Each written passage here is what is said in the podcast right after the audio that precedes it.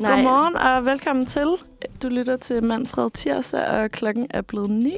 Mm. Hvordan har I det? Jamen, øh, jeg vil jo lige starte med at undskylde for min øh, klundrede entré her. Men jeg har haft en forfærdelig morgen. Ja, lad os høre om det. Hvad var det, der skete? ja, altså jeg vågnede jo lige lidt i syv og tænkte, yes, jeg har sat alarm til klokken 10 minutter over syv, så jeg kan lige blunde lidt videre og lukke øjnene. Da jeg så vågner igen, så kan jeg bare mærke sådan, what, der er gået lang tid, og det virkede helt vildt underligt, og så kigger jeg på øh, uret, og så klokken vil være lidt i 8, og vi skulle altså mødes herinde på radioen 8.30. Ja. Og så er jeg bare sådan, hvad feeling? Har jeg slået den fra i søvne, eller hvad der kan der være gået galt? Så tjekkede jeg lige min telefon og gik ind i min alarm-app, og så stod der, at jeg havde sat alarm til 17.10. Så klokken 10 minutter over 5 i aften, der ringer min alarm i stedet for. Tænk, hvis du bare havde sovet igennem til 17.10, så havde du Jamen. virkelig haft brug for det. Ja, ej, så, Ja, jeg er glad, fedt nok. Ja. så jeg er glad for, at jeg kom op, og at uh, mit indre vækkeur fik vækket mig, så jeg kunne med til at sende radio her til morgen. ja. Jeg føler altid, jeg har kun et indre vækkeur, hvis jeg sådan skal noget virkelig vigtigt. Kender I ikke det? Hvis nu jeg skal ud og flyve, eller skal til eksamen, så vågner jeg altid 10 minutter inden min alarm skulle Ja. ringe. Lige meget hvor tidligt det var, det er som om, man bare Altså, ved nogle gange det er sådan indeni, et at minut sådan, før alarmen ofte egentlig. Ja. Altså sådan virkelig underligt. Og jeg er ellers sådan nogle gange lidt dårlig til at gå, komme op med det samme, når det er, at man, ens alarm ligesom har ringet. Men sådan nogle der dage, jeg står Ja. med det samme. Fordi at der skal ikke være nogen chancer med, at man kan falde i søvn igen, eller der går Nej, lidt nej. for lang tid, så man ikke kan nå at gøre sig klar. Nej, lige præcis, men altså, at skulle sende radio med jer to er jo også rimelig vigtigt. Ja. Det er glad for, Så øh, jeg kom op, og jeg er her nu. Og, Du øh, nåede det jo i god tid, altså. Ja, men Synes jeg, godt, jeg var da lige lidt forvirret nu her også, kunne jeg godt mærke. det er altid det der med, når man ikke får den der dejlige, behagelige, stille og rolige morgen. Ja. Så det der jordskred, der bare starter, det, sådan, det kan bare rykke sig hele vejen ind i dagen. For så når man ikke lige får spist morgenmad, og så glemmer ja. Man nogle ting og kommer ud af døren, og så skal man lige have noget at spise på skolen, og så Ej, rykker jeg- det hele sig. Jeg, jeg ved ikke, jeg har lidt omvendt. Jeg synes egentlig, det... Eller ikke fordi... Jeg synes også, det er frygteligt at vågne tidligt, hvor man godt ved, at man ikke helt har sovet de timer, man burde, og at det hele er sådan lidt hektisk og sådan noget. Men så er man fandme også i gang. Når man ligesom har overstået alt, det, alt sådan lidelsen der. Altså med at komme op og gøre sig klar fordi og komme jeg, ud af døren. Nu har jeg været på dagpenge i halvanden måned. Og de der, altså, det, det er faktisk de værste dage, de der, hvor sådan, så vågner jeg klokken 11. og så sidder jeg bare. Jeg synes, og så- det lyder meget og så- lækkert. Og så spiser jeg først morgenmad klokken 1. Ja, Ja. Og, så, og jeg havde en plan om lige at. Ja. lige at tage ud og lige sætte mig ned på en café og skrive nogle jobansøgninger og sådan noget. Og Sådan, ah, altså, ej, det er nemmere bare at blive siddende. Det bliver altid bare til Eller en sådan- plan. Jamen, Ja, og man bliver meget sådan, ej, men nu har jeg en Præcis. dag, hvor jeg kan sove lidt længere. Hvorfor skal jeg så ikke bare gøre det? Præcis. Eller sådan. Ja. Og, men det, og det er det jo bare, når man ikke, ligesom ikke er tvunget til at, at komme i gang. Ikke? Jo, Ja. lige præcis. Men nu står jeg her, og jeg har fået en dejlig kop kaffe. Ja. Og jeg glæder mig til alt det sjove, vi skal snakke om i dag. Ja. Vi har jo en masse spændende på, på programmet. Mm-hmm. Vi har jo vores øh, faste speaks, som er, hvor vi skal have lidt nyheder i form af lidt clickbait-version, og vi skal have ugens hot or not, og ugens udfordring, som Thomas kommer med lige her efter en sang, og så skal vi snakke om saksen, og der kommer nogle anbefalinger. Og så har vi selvfølgelig også et uh, tema på dagens program. Ja. Og jeg ved ikke, om vi skal løfte sløret for, hvad det er, eller om vi skal Kan vi den lave en cliffhanger på en eller anden måde? det er noget, der fylder meget i mit liv lige nu, i hvert fald. Hvad med jer? Dit, nå, Som ungdommen. Mm, jamen Ja. ja. Generelt del fylder af det jo vel meget i danskernes liv. jo, jo. Mm, bare lige for at lave en lille cliffhanger. Ja, og altså nu kan vi jo også se, at vi er jo lige gået fra jul og nytår og skal ind i påske, og der er det jo også nogle helt væsentlige elementer Ja, i True. de det er traditioner. en stor True. del af dansk kultur og ungdomskultur. Ikke engang ungdomskultur jo. Altså, det er jo nærmest hele Ja, ja, ja. livet, ikke? Jo, jo, jo. For man er gammel nok. Ja, lige præcis. Men vi har masser af fedt på programmet i dag, og Ja. øh, vi skal jo hygge med jer her indtil kl. 11, og vi skal også spille en masse fed musik, som vores musikredaktion her på Uniradioen står for at sætte sammen hver uge Mm. med nogle upcoming og fede øh, artister. Ja, jeg lyttede lige til playlisten i går, og den er rigtig god den her uge. Det må jeg sige. Ui, var der noget, du kendte så? For jeg synes tit, jeg er lige lidt på bare bunden, når det er sådan noget Ja, man bliver, jeg synes, den er god til at sådan, introducere en for lidt noget andet, og lidt noget nyt, end det, der lige kommer ellers min vej, eller hvad man skal sige. Men Ja. der, var, der var nogle enkelte, jeg faktisk allerede havde lyttet til, hvilket er lidt usædvanligt, føler jeg. Nå, ja, fedt. Øhm, Ja, Men det er altså, mega hvor, fedt lige hvor at have man hørt sådan noget, dem. Hvis, man, hvis der ikke er nogen, der på en eller anden måde gør noget? Ja, ja, altså, sådan. præcis. Det er en meget god ja. indgang. Mhm. Men det kan være, at, øh, at vi lige skal høre en af dem, så, Jamen, det vil jeg da rigtig øhm. gerne. så skal vi høre øh, Dusin med en sang, der hedder USB, og den kommer her. Spændende. Det er jo næsten som at have 80'erne tilbage, det der.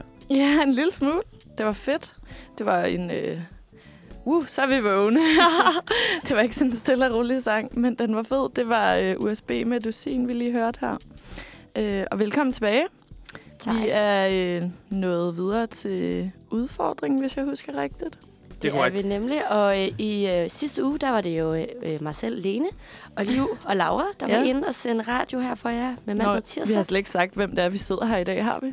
Nej, men måske vil du introducere dig selv? Ja, Nej, det er Josefine her, Og jeg hedder Thomas. Og så er det Lene, der er med her. så den er tredje alle person. med. Yes. Nej, når men tilbage til historien, så var det ja, Ma- øh, Liv og øh, Laura og jeg selv, der var inde og sende i sidste uge. Og der havde Laura en udfordring, der lød på, at hun skulle have en dag, hvor hun sagde ja hele dagen i sidste uge, og det gik egentlig overraskende godt. Mm. Og hun sendte så udfordringen videre til Thomas. Mm. Og øhm, Laura fortalte jo lige selv lidt om det, at hun er en hej til at deltage i udfordringer sådan på Facebook og Instagram. Nå, ja. Og det var så skørt, ja, Ja. at øh, i sidste uge, der havde Laura lige pludselig... Jeg går i klasse med Laura, eller det kan man jo ikke rigtig kalde det på universitetet, men vi Jo, var man hold. kan, jo, man kan. Josefine, hun, det er fordi Josefine, hun påvirker mig. Ja, ja, nej, det mig, bliver jeg drillet med, og det synes jeg ikke, der er nogen grund til. nej, men det er også ret sødt, når du siger det. Men mig og Laura, vi blev holdt sammen på universitetet. Øh, på film- og medievidenskab. Ja. Og så her den anden dag, der kom Laura faktisk i skole... I, nej, nej! hun Til kom på undervisning? stu- Ja, hun kom til undervisning med en kæmpe kagemand. Nej. Oh my god. Nej. Altså en kæmpe kagemand, og så er vi sådan, Laura, har du fødselsdag? Og hun er sådan, det, nej, det er først om en måned. Og jeg er sådan, "Hvorfor- hvorfor har du Jeg har bare lige kagemand snacks med Ja. til mig selv. Så har hun deltaget i en eller anden øh, udfordring på øh, Facebook i, ved en bager ude i Herlev. Nej, jo, et Jo, eller andet. jo, sådan jeg noget. tror, Det hun er fra Her- Herlev. Ja, Ja, det var sådan et eller andet sted. ja. ja. Og så var hun med med, og hun har sådan en bil, hun deler med sine forældre eller et eller andet i den stil. Og så har hun hoppet i sin bil og kørt ud for at hente den her kagemand, for at tage den med til os på studie. Så Ej, vi fik alle sammen kagemand. Ja. Tænk, hun orker ærligt. Eller sådan, det er jo fucking fedt at, at vinde Ja, ja, de der nogle sådan, gange, men det er jo ikke sikkert, at man lige gad hente køre til Herlev. Præcis. Nej, nej, nej. Men hun Men at man kastede, boede sådan lige om, altså sådan, det er jo, Ja, ja. ja, ja. mm, lige netop, men hun kastede så udfordringen videre til Thomas, Ja. som jo så lød Thomas, at du skulle deltage i en, ud, i en konkurrence hver dag i den her seneste uge, der er gået. Mm. Og det glæder vi os jo meget til at høre, hvordan det er gået. Ja.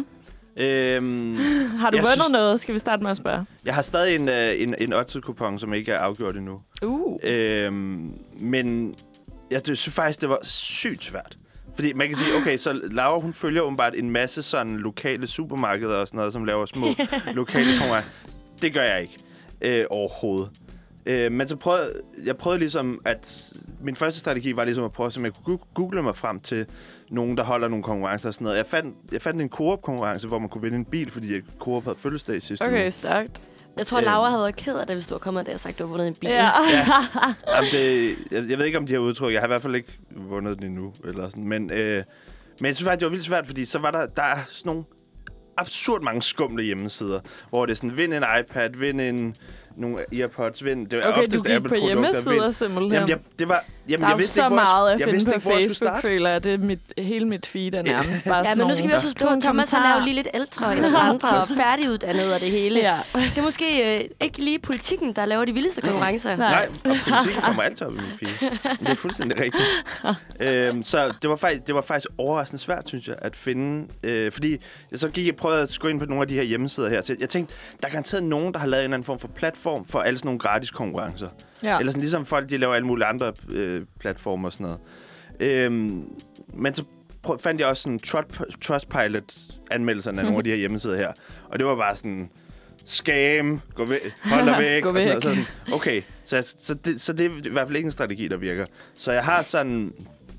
Øhm, jeg ved ikke, om det tæller at deltage i en konkurrence, at, øh, at, fordi jeg var nærmest ikke øh, hjemme i lørdags.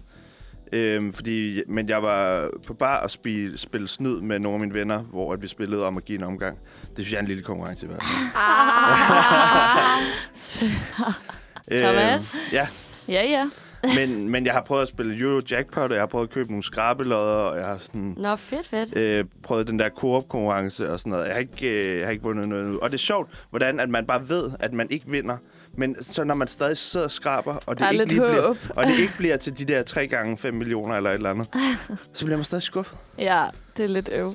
Jeg har faktisk en veninde, der lige har vundet 10.000 på et Er skrabelod. det rigtigt? Ej, hvad skal hun bruge dem på? Ja, det ved jeg ikke. Det Men er jo hvor- helt vildt. Min anden veninde havde så spurgt hende, ej, må jeg ikke få 100 kroner? Det måtte hun ikke.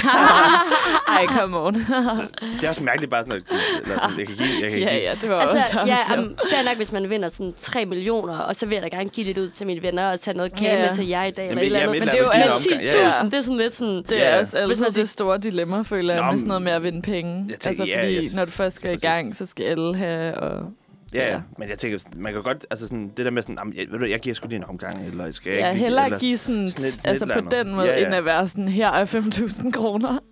hellere så give, uh, give lidt øl eller aftensmad, whatever.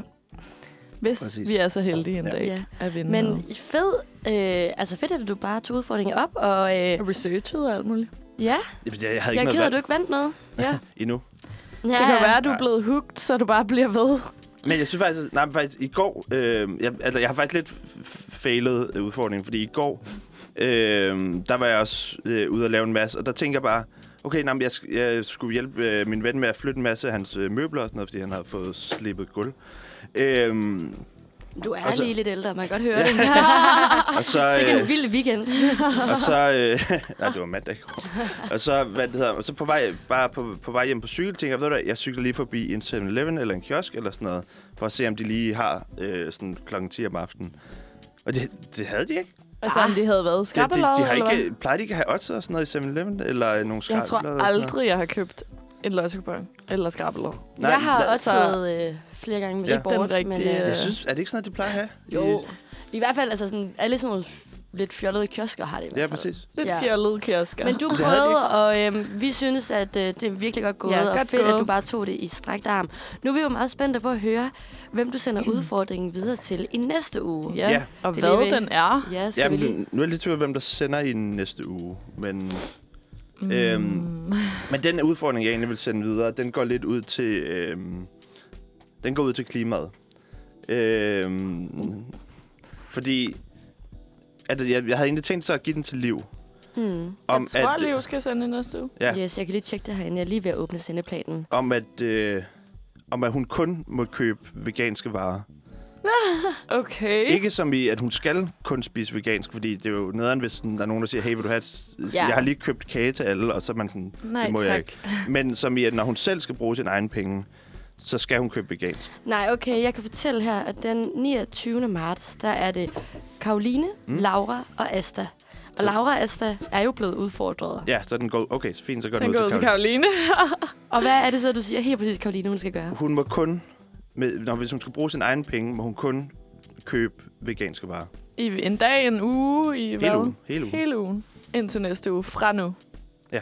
Fra hun hører det. Hun må spise, hvad hun har lyst, men hvis hun skal købe noget, så skal det være vegansk. Færre. Det glæder mig faktisk til at høre, om det sådan Ja. har været besværligt, Men eller om det har er været helt nogle, fint. Jeg synes, det er sådan nogle udfordringer, som også er meget sjovt at give sig selv.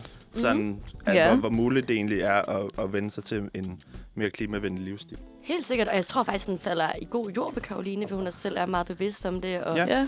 Altså, eller jeg føler, det, det skal hun nok klare. det føler jeg er en fed udfordring, ja. Ja. Lidt noget andet, end at skulle vinterbade, ligesom dig alene. Eller spise en Eller chili. spise en chili, ligesom Jeg er mig. stadig så ked af, at jeg ikke hørte det der i. Ja. Spise chili live i radioen. Det fandme også ærgerligt. Ja. Men øh, fedt, den Ja. er jeg sikker på, at hun tager op, og så glæder jeg mig til at høre, hvordan det er gået. Mm. Vi øh, skal videre med noget musik, og øhm, vi skal høre One Last Kiss med Jules. Den kommer her. Hej. Velkommen tilbage. Klokken er blevet 20 minutter over. Du er tændt? Nej, er det bare knappen, der ikke lyser? Ja. Og sådan der, nu Du virker er den igen. Perfekt. Hvad hedder det? Klokken er blevet 20 minutter over 9, og vi er nu nået til, at vi skal have lidt nyheder. Og det er ikke på den helt normale måde. Vi har øh, fundet på, at vi skal lave lidt øh, clickbait gætning, hvad vi skal kalde det. Så Lene, du har taget nogle clickbait øh, Det har jeg. Overskrifter, hedder det, med. Og så hvad? Så skal vi gætte lidt, hvad det handler om, eller ja, hvordan? men jeg tror, at sidste gang kørte vi det lidt sådan, at jeg læste øh, overskriften højt, og så øhm, Det er jo tit en lidt vild overskrift, jeg måske har valgt, og så kan man lige snakke lidt om det. Hvad, hvad tror man lige, det er? Og så fortæller jeg, hvad det egentlig er, der står i artiklen. Jeg elsker konceptet. Yes. Og, jeg, øhm, og ligesom jeg nævnte sidste gang, så øh, har jeg jo surfet rundt på nettet og diverse nyheds øh, webpages. Ja, fint. Du har bare brugt Ekstrabladet BT. ja. Og, og, og vi skal ikke glemme reality-portalen. Kæmpe Jeg skal også god energi der. Jeg glæder mig til at se, om det bare er reality news, eller om Ja. der er sådan noget reelt. Nej, men det, det vil sige, det var, at øh, generelt så fylder øh, krigen i Ukraine jo rigtig meget på alle nyhedshjemmesider. Så øh, meget af det, jeg har taget med i dag, altså for at vi ikke skal stå og grine af krig, og måske komme til at øh, sætte os selv i en eller anden moralsk position, vi ikke har lyst til at være i, så meget af det, jeg har med i dag, er netop, som du siger, Josefine, lidt reality og lidt fis og space. det kan vi lide. det, yes, det er nogen, man godt må grine lidt af. Ja, god idé. Ja. Men øhm, den første kommer her. Lisbeth Østergaard i panik skyder sig selv i benet. Okay. Jeg øh, ser et øh, scenarie, der er indbrud. Hun finder sin gun frem. Får et chok, skyder sig selv. Men ja, altså, Det vil bare ikke ske i Danmark, dog. Fordi prøver de, prø- synes de, det er for kedeligt at skrive, skyder sig selv i foden, fordi hun har øh, Nej, nej. sig. Hun, hun, altså, det er Ja, ja, faktisk bogstaveligt talt, hun skyder sig selv i Men det benet. kan jo både være med bue og pil, men med hun- hun øh, en øh, legetøjspistol. Hun har sgu testet øh, noget paintball. Følger tydeligvis ikke særlig meget med på Discovery for tiden. Nej. Fordi der bliver der jo sendt det her program, der hedder Stjerner i trøjen. Uh. Kender I det? Er hun med i det? Ja, jeg så lidt af første sæson. Der står her, iværksætter og tidligere tv-vært Lisbeth Østergaard er benhård i reality-programmet Stjerner i trøjen, hvor kendte danskere prøver kræfter med militærøvelser, og en efter en stemmes ud af programmet, alt efter hvem det går dårligt for. I det seneste afsnit af Stjerner i trøjen skal deltagerne rappelle ned fra et højt tårn, mens de undervejs skal skyde nogle gule metalplader. Hurtigste tid og flest fuldtræffer får flest point i udfordringen, og det volder Lisbeth store problemer. Hvornår kommer der noget med at skyde? Jamen, det kommer her, fordi at der, øhm, Lisbeth hun går ligesom i panik, og den her tydelige panik viser sig der også, da Lisbeth hun igen skal skyde, hvor hun skyder to forbi, og den tredje kugle sætter hun i sit eget lår. Jeg tror, jeg skød mig selv, siger Lisbeth uden at trække mine, så noget tyder på, at det måske ikke gør særlig ondt. Okay, så det var faktisk reelt nok. Hun skød faktisk sig selv. Men Hun det skød sig selv. har tydeligvis ikke været med noget sådan super farligt våben. Men den snød ikke så meget, som jeg kan da huske, vi har også talt om et eller andet med, hvor der stod en eller anden øh, med et knivstik eller sådan Ja, noget. den og så havde var jeg med det, sidste gang. Fordi at man havde skåret sig i fingeren, mens han havde lavet mad eller et eller andet. yes. Okay, jeg Vi glæder mig til den videre til næste. den Men det er ja. stadig bare jeg synes, vildt det der med, hvordan at, hvad der skete i et eller andet tv-program er en nyhed, ikke? Ja, ja. Det Nå, er eller var det fra reality-portalen, så det er sådan, ligesom, det er bare deres nyheder. Ja, det her det var faktisk Det så, ikke, man kan følge var, lidt med, uden at have set hele programmet. Ja, men stadigvæk lidt vildt. Altså, fordi hvis man bare lige skulle forbi, så kunne man da godt tro, at ellers skulle tage selv Ja. i benet. For de, Ja, ja, penge, ja. for de reklamepenge for Discovery, det er jo god sådan... Ja, det er faktisk i tvivl om, men jeg tror, altså alt på reality er, jo- er jo lidt om, hvad der Ja, det sker i... Ja. Nå, vi hopper videre til den næste, og det er... Derfor går prins William ikke med hvilesesring. Den engelske. Jeg skulle lige sådan, prins William. Jeg var sådan, Øh, hvem det er- er William? Okay, ja, hvad kan det være, hvad kan det være, hvad kan det være? Fordi den Han er, er jo ikke, for fed. øh, det er jo ikke, fordi han laver et eller andet sådan, altså fysisk, der vil være farligt at have en ring på. Jeg tror bare, at hans finger er blevet for tyk. Hans finger er blevet for tyk. han er bange for at miste den. Ej. Okay, det glæder mig faktisk til. Er det børnene, han er bange for et eller andet? Det ikke. Han har... Øh, ej. Ja, altså, den falder måske lidt til jorden nu, men øhm, han har bare... Øh, forklaringen er, at prinsen ganske enkelt ikke bryder sig om at bære smykker. Okay, det kunne jo godt starte lidt en ting. Det er der er et helt artikel om, at Fordi hans finger er blevet for tyk. For det første. han har aldrig gået med halskæde, armbånd eller ringe, og ønsker heller ikke at gå med hvilesesring. Jeg Nå. kender faktisk selv en del mænd, der har det på samme måde. For eksempel min svigerfar, udtaler ham, der har skrevet artiklen. Nej. Okay. Men så kan det jo være, at hun ikke Sport. tager det lige så tungt, hvis hendes egen far har gjort det samme hele hendes liv. Fordi det kan da godt gøre lidt ondt, måske. Også når han er så offentlig, det er lidt underligt. Men fair nok, altså. Yes, og så hopper vi videre til en klassiker, som jo ses på mange, mange, mange nyhedsportaler hele tiden. Og overskriften lyder, Reality par tager stort skridt i forholdet fra 3 til 4. Who's pregnant? Men er det det, I tror? Jeg tror, de Det po- tror jeg ikke nu. Jeg tror, de er polyamorøse. De har fået et, øh, en, tredje, en tredje er det noget, vi godt ved? Ved vi det godt? Fra 3 til Nej, det ved jeg ikke. Det handler om uh, Emilie Hoffmann og Mads Emil fra X on the Beach. Ja. Som efter knaldeprogrammets afslutning flyttede Står der Emil... det? Står der gavet? Jeg citerer. Efter knaldeprogrammets afslutning flyttede Emil Hoffmann fra Fyn til Sjælland, hvor hun fik nøgle til Masses hus. Indtil for nylig har huset rummet Emilie, Mads og Masses søn fra tidligere forhold, Bjørn. Oh, nej, den Men hund nu er der flyttet et nyt familiemedlem ind, En hund. En kat. nemlig Blopper. Og Blopper er en sød, middelaldrende chihuahua. Oh my god. Så. Så der er simpelthen en hel artikel om, at de har fået en hund. Ej, hvor er det så grin. Ej, hvor de snyder folk, var. Yes. Men til gengæld føler jeg, at dem, der bliver snydt af det, og som rent faktisk så godt gad læse noget om de personer, de vil også gerne høre om blubber. Ja, Ja. det tror jeg, jeg tror, du er ret i. Jeg tror, Så- Nå, det er sikkert også meget godt, Mm. det der sådan. Det går Vi nok hopper, fin øhm, jord. videre til en anden kendis i Danmark, øh, og det er på billedbladet, vi er nu. Så det er jo lige over en lidt anden genre. Og der står i overskriften. Vidste du det om Candice Johnny? Det drømte han om at lave i stedet for musik. Spændende. Mm. Jeg Han tror, vil I gerne have en var. hesteranch i USA. Ja, han kunne sgu, ja, det synes jeg ikke er noget dårligt bud. Han Et kunne godt være andet... sådan en bundrøv. ja. Ja. Jeg har set Candice for livet, der rider han på et tidspunkt. Ja, det, Ja. ja, det er rigtigt. Ja, ej, det synes jeg er vildt godt bud, faktisk. Okay. Okay, jeg læser op fra artiklen. Johnny Hansen drømte som ung om at blive noget helt særligt, hvis altså ikke det var gået med musikken. I årtier har Johnny haft stor succes som musiker. Men, han var ikke, men hvis musikken ikke var blevet til noget, så drømte han om noget i en helt anden grøft. For som ung drømte Johnny Hansen... Altså prøv lige at høre, de bygger virkelig også op til, Ja, at de bla, bla. bruger øh, 10 linjer på at nå frem til, hvad det egentlig Ja, er. jeg føler, han vil være bager nu. Det er et nyt gæt. Kom. For som ung drømte Johnny Hansen nemlig ikke udelukkende om livet på landevejen med et hav af koncerter. Han ville gerne have været politibetjent. Nå. Hvad? Wow, wow. Det var dejligt for os i hans unge år, for han skulle have en ren straffeattest, så han kørte aldrig efter at have drukket øl eller sådan noget, fortalte hans mor Gerda Ej, i Billedbladets interviewserie Min mor og mig. Shit, et menneske, mand. Har du, han har Sygt. bare aldrig drukket efter at have... Det har han eller bare taget det kørt valg. efter at have drukket sig fuld, mand. Shit, en held. Mm. Og øh, Johnny udtaler sig selv, at hele første år med kørekort kørte han kun maksimalt 80 km i timen. Okay. Nå. Okay, det er lidt mærkeligt. Og fortæller, jeg var lidt splittet, for jeg vil gerne spille musik og sådan, og jeg kunne ikke i begge dele, men i dag er jeg glad for, at det var musikken, der vandt. Er det problematisk at blive politibetjent, hvis man har fået en fartbøde? Altså, det vil jeg ikke umiddelbart tro, men jeg tror, det er rigtigt, at de skal tjekke straffeattesten. Ja. Jeg har jo faktisk været øh, kærester med en, der læste til politibetjent. Ja. Og der er det også noget med, at hvis man så flytter sammen, så skal de også tjekke partnerens straffeattest. Wow. Så man skal ligesom Fordi det se, ikke at det, man omgiver sig med, er clean. Ej, hvor vildt. Mm?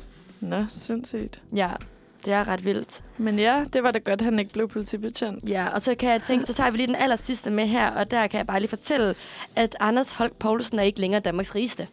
Den har Nå. jeg læst. Det er rimeligt. Han er jo administrerende direktør i Bestseller, og han kan ikke længere kalde sig Danmarks rigeste mand. Og den har han netop siddet, Damn. altså den her post har han siddet på siden 2020. Men finansmediet Blombergs seneste opgørelse... Bloomberg. Bloombergs seneste opgørelse over verdens 500 rigeste enkeltpersoner viser nu, at den danske erhvervsmand ikke længere er landets rigeste. Hvem er det? De seneste par måneder er Holk Poulsens formue nemlig faldet med 17,5 milliarder kroner. Og dermed har Niels Peter Louis Hansen, der ejer Koloplast, overhalet ham og kan nu kalde sig for Danmarks rigeste mand. Og Thomas, du har klikket ind på den, kan jeg høre. Ja, jeg har læst den artikel. Så det fangede dig. ja, det, nej, men det, Koloplast, hvad er det?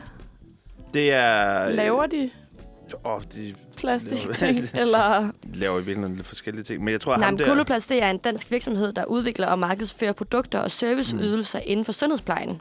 Okay. Altså, ja. Er den der Mærsk-familie ikke fucking rig? Hvorfor er de ikke de jo, rigeste? Nej, men jeg tror, at efter at øh, han selv døde... Øh, Har han været den rigeste mand? ja, ja, ja, ja, det er uden tvivl. Ja, ja, øhm, så det det, man kan sige, så tror jeg, at ligesom arven delte sig rundt. Ja, okay. Mm. Øhm, Men det er jo også det her med, at det her det er jo øh, altså Danmarks rigeste enkeltpersoner. ja, ja. Og det er jo det samme med Lego-familien. Der er det jo også Ja, ja, forgrenet ud i mange familiemedlemmerne. præcis. Men øh, det var alt fra øh, dagens øh, Det var nyhedsoverblik. clickbait. Jeg yes. og tilbage til. Fedt, Lene. Det synes jeg var grineren. Vi skal øh, straks videre til noget musik. Og vi skal høre en sang, der hedder Glimtet af en kunstner, der hedder Højlund. Og den kommer her. Spændende. Velkommen tilbage. Tak. Klokken er 9.35, og det er tirsdag. Det, der, har, der ligesom er temaet for i dag, det er, at vi skal snakke om sundhed. og endnu, endnu mere spændende, så skal vi faktisk snakke om sundhedspolitik. Og endnu mere spændende skal vi faktisk snakke om det nyeste inden for sundhedspolitik, som er, at regeringen i sidste uge kom med et sundhedsudspil øhm, til, hvordan de vil... Det, vil det, det rammer ret bredt i sundhedssektoren, det her udspil her. Men, og jeg har faktisk ikke tænkt mig at, at gå ned i, i alle hver ting, de vil lave, og hvordan de vil stærke de nærhospitalerne og gøre det mere fleksibelt for sygeplejerskerne at tage vagter og alt muligt. Det er fordi, der er to ting, som har primært har været diskuteret øh, som i, i, i forlængelse af det her udspil her. Og det er, at regeringen vil øh, nedsætte, øh, eller hvad det hedder, de de vil i virkeligheden gøre det muligt at øh, købe cigaretter, eller, eller de vil gøre det ulovligt at købe cigaretter for alle, der er født i år 2010 og øh, efter det. Øhm, det vil sige, at man på en eller anden måde tager en hel årgang, og så bare fra deraf, så er det ligesom blevet ulovligt at købe cigaretter. Øh, sådan så man på en eller anden måde på lang sigt prøver at udfase det, at, at folk de ryger i virkeligheden, som er et kæmpe sundhedsproblem. Mm. Øhm, hvilket er på mange punkter måske det, det mest kontroversielle, fordi man laver det her, det, det et, altså bare et forbud, ikke? Og, mm. og der, man kan jo forestille sig nogle mærkelige scenarier med, at så kender man en, der lige er et år ældre end, en selv, og så kan de bare købe løs, og så ja. kan man sige sådan, hey, må jeg lige nas? Og, eller sådan, ja. kan du ikke også købe Amen. en pakke til mig? Og alle mulige scenarier. Eller ja. sådan. Og sådan vil det måske være i mange år, men, ja. men det er jo en, en, en lang langsigtet, vej ud, langsigtet ja. udfasning. Jeg vil i hvert fald sige, da jeg øh, læste om det her forleden, der mm. min hjerne sagde, det var bare sådan vildt, det har aldrig ja. overvejet, man Nej. kunne. Det er vildt, det er vildt. Nej, og der er også delte meninger om det, ja. som vi mm. også skal Præcis. tale mere om. Og det andet i udspillet, som på mange punkter også er øh, diskuterbart, og som eller i hvert fald at det, der har fyldt rigtig meget, som også er en stor del af udspillet, er nemlig, at man vil øh, hæve øh, grænsen for, hvornår man må købe alkohol fra 16 til 18. Lige nu er det sådan, at man må købe, som 16-årig må man købe alkohol i, i butikker, øh, hvis de har en, en alkoholprocent under 16. Øh, og der har der er jo mange sådan shots og sådan noget, som, hvor man efter den, den regel blev indført, så satte de bare deres øh, procent ned til 15,9, så at at unge mennesker under 18 også kunne købe det. Øhm, Nej, det har jeg faktisk aldrig tænkt over. Nå, Jamen, det, var, det var meget tydeligt, at sådan, hov, der var røg lige hele, der var hele vores segment lige pludselig, og så, øhm, og så satte de det lige ned. Men man kan sige, nu vil de ligesom køre den over en kamp, sådan, mm. så at der, du som, altså virkelig som 17-årig ikke må gå ned og drikke en, købe en øl efter ja. øh, gym. Men det er sjovt det der, fordi jeg tror, da jeg selv blev 16, så forstod jeg ikke helt, at jeg egentlig godt måtte købe en øl eller cider nede i supermarkedet. Jeg tror, jeg tit tænkte, at når man skulle være 18, og jeg var sådan... Jeg ja, fordi man skal være det på bar. Ja, nemlig. Ja. Men, at, men man, fordi man kan jo ikke købe en øl på bar som 16-årig vel. Nej, jeg tror bare, at øh, jeg kan da i hvert fald huske, at jeg fik der nogle af mine ældre venner til at gøre det, da jeg var 16, og de var altså sådan, hvor nu, når jeg tænker tilbage mm. på det, så kunne jeg jo egentlig godt selv have gjort det, men jeg synes, der er lidt meget uvidshed om, hvad det egentlig er, man lige må som 16, og hvad ja, er, man ikke må. Jeg tænker også... Og man ved bare, som 18-årig må man det hele. Hvad gør man til gymnasiefester? så må det, der bare slet ikke blive drukket. Det har, fordi jamen, det er jo de flere, der er der mange, der først bliver 18 i 3. Ja, ja, man kan vel heller ikke præcis. lave sådan noget, det er kun 3. gear. Vi skal snakke videre om øhm, regeringens nye udspil til en ny sundhedsreform her på Manfred Tirsdag. Og øh, Thomas han ramsede jo lige det hele op, at det handler, øh, eller to af de vigtigste pointer er, at al alkohol skal sættes til en grænse på 18 år for at købe alkohol. Og derudover skal man simpelthen ikke kunne købe nogen nikotinprodukter, hvis man er født fra 2010 ja, det, efter. Det er en god point, du lige retter mig der. Det er faktisk ikke er cigaretter, men nikotinprodukter. Ja, det er, er alt det. kategori. Ja, mm. ja, det er faktisk rigtigt. Ja. Mm. Men, så det indebærer vel også snus og Ja, det gør det nemlig. Pibe. Nikotin til yep. gummi. Ja. Plastre. Præcis. Og øhm, jeg tænker, eller vi har tænkt, at der er nok mange gode og forskellige holdninger til det her udspil, fordi som øh, vi også snakkede om lige før, så er det meget radikalt.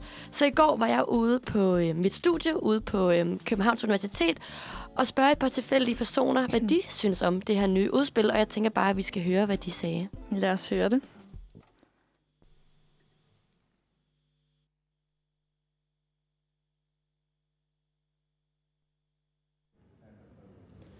Godmorgen. Jeg er i dag taget ud på Københavns Universitet, nærmere præcis Søndre Campus, for at høre nogle unge mennesker, hvad de synes om regeringens nye sundhedsudspil.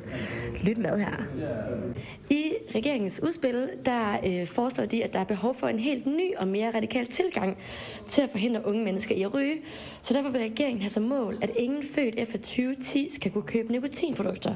Samtidig ønsker regeringen at sætte aldersgrænsen op til 18 år for køb af al alkohol. Og øhm, først så vil jeg jo lige spørge dig, om du selv ryger, og derfor vil jeg jo gerne høre din mening om den her, det her nye udspil. Ja, men jeg ryger selv, ja. Og jeg synes, at det er ganske fint, at det vælger at komme det udspil. Fordi jeg tror, at hvis det var mig, der ligesom var født før, øh, eller jeg var en del af den gruppe, der er født efter 2010, så ville jeg være mindre eksponeret for det. Men samtidig så kan man også sige, at jeg tror bare, at så kan det godt være, at man laver det her udspil, men man skal ligesom også have, have alle sådan del af sådan detailhandlen til ligesom at følge retningslinjerne, fordi jeg, jeg er aldrig blevet spurgt om ID, selvom jeg var under 18. Mm. Så man kan også sige, at der er også mange sådan facetter i det, så man kan godt lave en regel, men det skal ligesom også håndhæves. Og det er den ikke blevet gjort indtil nu, så må den fortsætte med at blive håndhævet. Men du synes ikke, det fratager menneskerne nogle rettigheder, når de engang er 50 år, at de kan få lov at købe en cigaret? Nej, det synes jeg ikke, fordi at man kan sige, at det er det, det samme koncept med, med sådan illegale stoffer, hårde stoffer. Der har man ligesom også taget et valg om at sige, det må I ikke. Men jeg synes, det er et, et lorteargument at sige, at man fratager folks frihed, fordi at det er det samme illegale stoffer. Så du er for den nye sundhedsreform? Ja, jeg synes, det er et godt udspil i hvert fald til at prøve at få det til at løses. Fedt, tak. Men en anden ryger, jeg mødte på universitetet, sagde dette. Selv ryger ja, og jeg synes i og for sig, at det er rimelig fjollet. Øhm, fordi at folk skal have deres frie ret til at gøre, hvad end de har lyst til. Øhm, og nu har mange andre årgange lov til at gøre det, som det skulle folk efter øh, 2010 ikke få lov til at gøre det. Tak. En anden person, der ikke selv ryger, var enig i dette og udtalte. Øh, ja, altså jeg er faktisk ikke ryger. Øh, et godt aktivt valg, jeg har taget. Så, øhm, så jeg synes jo egentlig, at det på en måde lyder lidt fjollet, fordi at jeg føler, at alle har valget til at tage, om de vil ryge eller ikke ryge. Men jeg kan jo også godt se, at det, at man ikke vil gøre det tilgængeligt for børn, unge, og så der senere hen bliver voksne, så, så har de jo heller ikke valget at kunne tage. Men jeg synes, det virker lidt fjollet, at man i hvert fald den vej skal bestemme over, hvad der så bliver på et tidspunkt voksne mennesker. Men endnu en ryger, jeg mødte på universitetet, bakkede op om regeringens sundhedstiltag. Yes, jamen altså, øhm, jeg, øh, jamen jeg, jeg er ryger, og jeg øh, synes egentlig, det er fint nok, fordi at, man kan sige, der bliver nødt til at blive gjort en indsats for, få unge til at stoppe med at ryge, og det er meget fint for, for folkesundheden selvfølgelig. Man kan, man kan sige, som det er med mange ting, så vil unge altid finde en måde at købe alkohol som mindreårige, cigaretter som mindreårige. Så sådan, det er fint nok, at der bliver gjort noget. Også bare for sund, folkesundhedens skyld. Okay, tak. Den sidste studerende, jeg talte med, undrede sig dog en del over regeringens modstridende idéer på det seneste.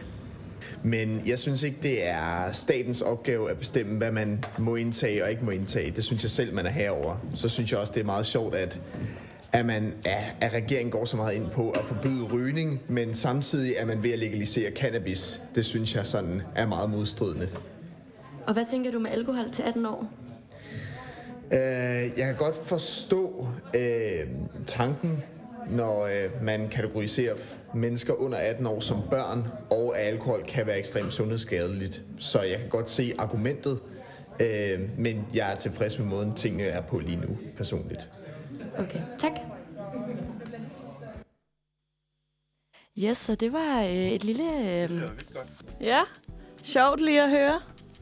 Sjovt lige at høre lidt mm. forskellige meninger. Men jeg tænker, øh, Thomas, nu har du jo siddet og sættet dig meget, altså ja. sådan undersøgt den her, det her nye udspil. Ja, jeg har mange holdninger. Ja, hvad synes du om de her reaktioner? Er det overrasker dig der, eller hvad tænker du? Nej, det gør det ikke. Jeg synes, det er lidt ærgerligt, at jeg synes, der mangler nogle nuancer på mange punkter, mm. eller sådan, fordi faktisk, ham den første, vi hørte, altså han har jo fuldstændig ret i, at at det, lidt, det her frihedsargument er super mærkeligt, fordi altså sådan, der, der er mange ting, man bare ikke må, eller sådan, skal alt bare være lovligt. Eller mm. sådan. Øh, og det er i sidste ende også modstridende, fordi hvis alt er lovligt, så kan jeg også begrænse andres frihed, og sådan noget, så det gør det lidt i ring. Ikke? Øh, men så, så hele det argument er sådan lidt pløret. Øh, men jeg forstår ikke, at man ikke snakker om, om alle de øh, omkostninger, der er for samfundet ved, at man har de her sundhedsproblemer. Altså sådan, at...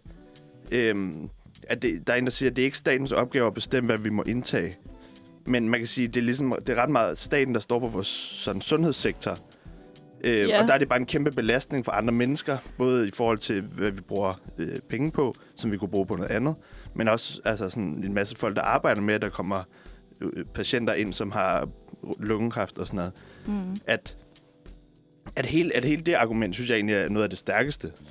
Ja, det er jo bare en måde at gå sådan forebyggende til det, fordi i princippet vil det jo være samme, altså lidt det samme, at så ikke gøre det, men at så dem, der kom ind og havde sygdomme, der var øh, skyldt, øh, eller der var kommet på grund af, at du havde rådet, skulle selv betale for sin behandling. Altså sådan, Men hvad tænker I så øh, i komplekset, som den sidste, jeg interviewer, han siger? Altså det der med, at på den ene side, så er regeringen i gang med at lovliggøre cannabis, men så på den anden side, så vil de forbyde cigaretter. Ja. Øh, jamen, altså, jeg, jamen, det er rigtigt nok, at øh, der, det er sådan lidt mærkeligt, når vi... Det virker da fjollet. Når generelt verden er, er langsomt i små skridt på vej over et sted, hvor vi godt vil legalisere cannabis. Det sker i mange amerikanske stater, Tyskland er ved at overveje det og sådan nogle ting. Øhm, og det argument, jeg vil komme for, at, øh, at man godt kan mene det ene og ikke det andet, det er, fordi cannabis er federe. Jeg tænker Det bare det. også meget problematikken ligger i det her med at opdele ligesom samfundet i hold A og hold B. Altså fordi hvis cannabis bliver lovligt, der er kom selvfølgelig aldersgrænser ligesom med alkohol. Men det er alligevel lidt noget andet at sådan lave det gap i sådan, det er jo en form for ulighed. Mm. Altså, jeg kan sagtens se også meningen langsigtet, men er jo, sådan er det jo altid, når man gerne vil lave en sådan ændring i sådan så strukturelle Ja, i, i ting. adfærd. S- Ja, så er man Ja. jo nødt til ligesom at gøre noget, der er nederen i starten, for at det kan have en effekt, ikke? Mm.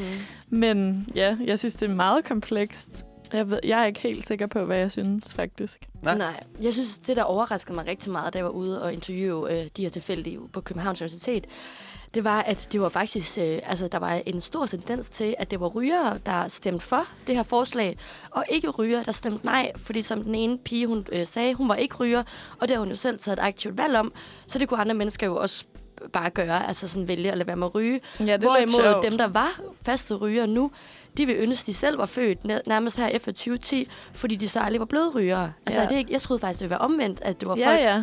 Der ja. røg. For jeg synes også, da jeg hørte om det, så var jeg sådan, nej, det skal de da ikke bestemme om. Mm. Altså, jeg skal have en cigaret eller ej. Men jeg er jo heller ikke afhængig af cigaretter. Jeg, altså, jeg ryger ikke. Så på den måde, så er det måske også nemt for mig at sige. Ja. Jeg føler på en måde godt, man kan adskille det. Altså også i og med, at dem, der ryger, også godt kan sige, at de faktisk synes, det er en fed idé. Altså jeg tror godt, man kan adskille de to ting, fordi jeg føler, det handler om mange andre ting end selve det at ryge. Men Altså, det er bare sjovt, ja. når det er dem, det rammer. Ja, ja. Ja. ja. både, altså, fordi i virkeligheden kan vi alle sammen... Det er et gratis øh, der- rygestop for Der, dem. ja, men altså, det, fordi det går faktisk ikke ud over nogen af os. Det er jo øh, 2010-generationen. Ja. Eller sådan, så, altså, Ja, det er jo først om, om alligevel en del år, at Ja, ja, man vil præcis. kunne mærke sådan Mm. en reel forskel, ikke? Men det viser jo også, at så de her, jeg fandt, som jo bare ryger, at så går de jo egentlig også inderst inde og ønsker, at de kunne lade være med det, siden de vil Ja, ønske, ja. at der Ja. var et... det gør de Men hvis det blev en realitet, så kunne det være sjovt at se, for jeg føler lidt, det kan tage to retninger, når vi så er i de år, hvor man kommer til at kunne mærke Mm. forskellen. At enten så bliver der jo bare helt vildt meget af sådan noget, øh, ja, et sort marked for tobak og så videre, og sådan noget med, at man køber for hinanden og bla bla bla. Eller så har det måske en anden effekt med, at dem, der rent faktisk ryger, stopper lidt, fordi det bliver sådan en helt ændring i samfundet med, at det er slet ikke fedt, og det er usundt. Ja, ja, altså, det ved præcis. vi jo også godt Det er det, nu. man håber på. Ja. Men sådan, i og med, at der er en masse mennesker, der ikke kan og ikke så gør det, kan det jo være, at det har en positiv effekt. Ja, lige netop. Men det var i hvert fald en masse forskellige holdninger på det her nye øh, udspil fra regeringen. Og vi skal snakke meget mere om det efter næste sang. Ja, vi skal høre Mirage, eller Mirage med Candy Life. Den kommer her.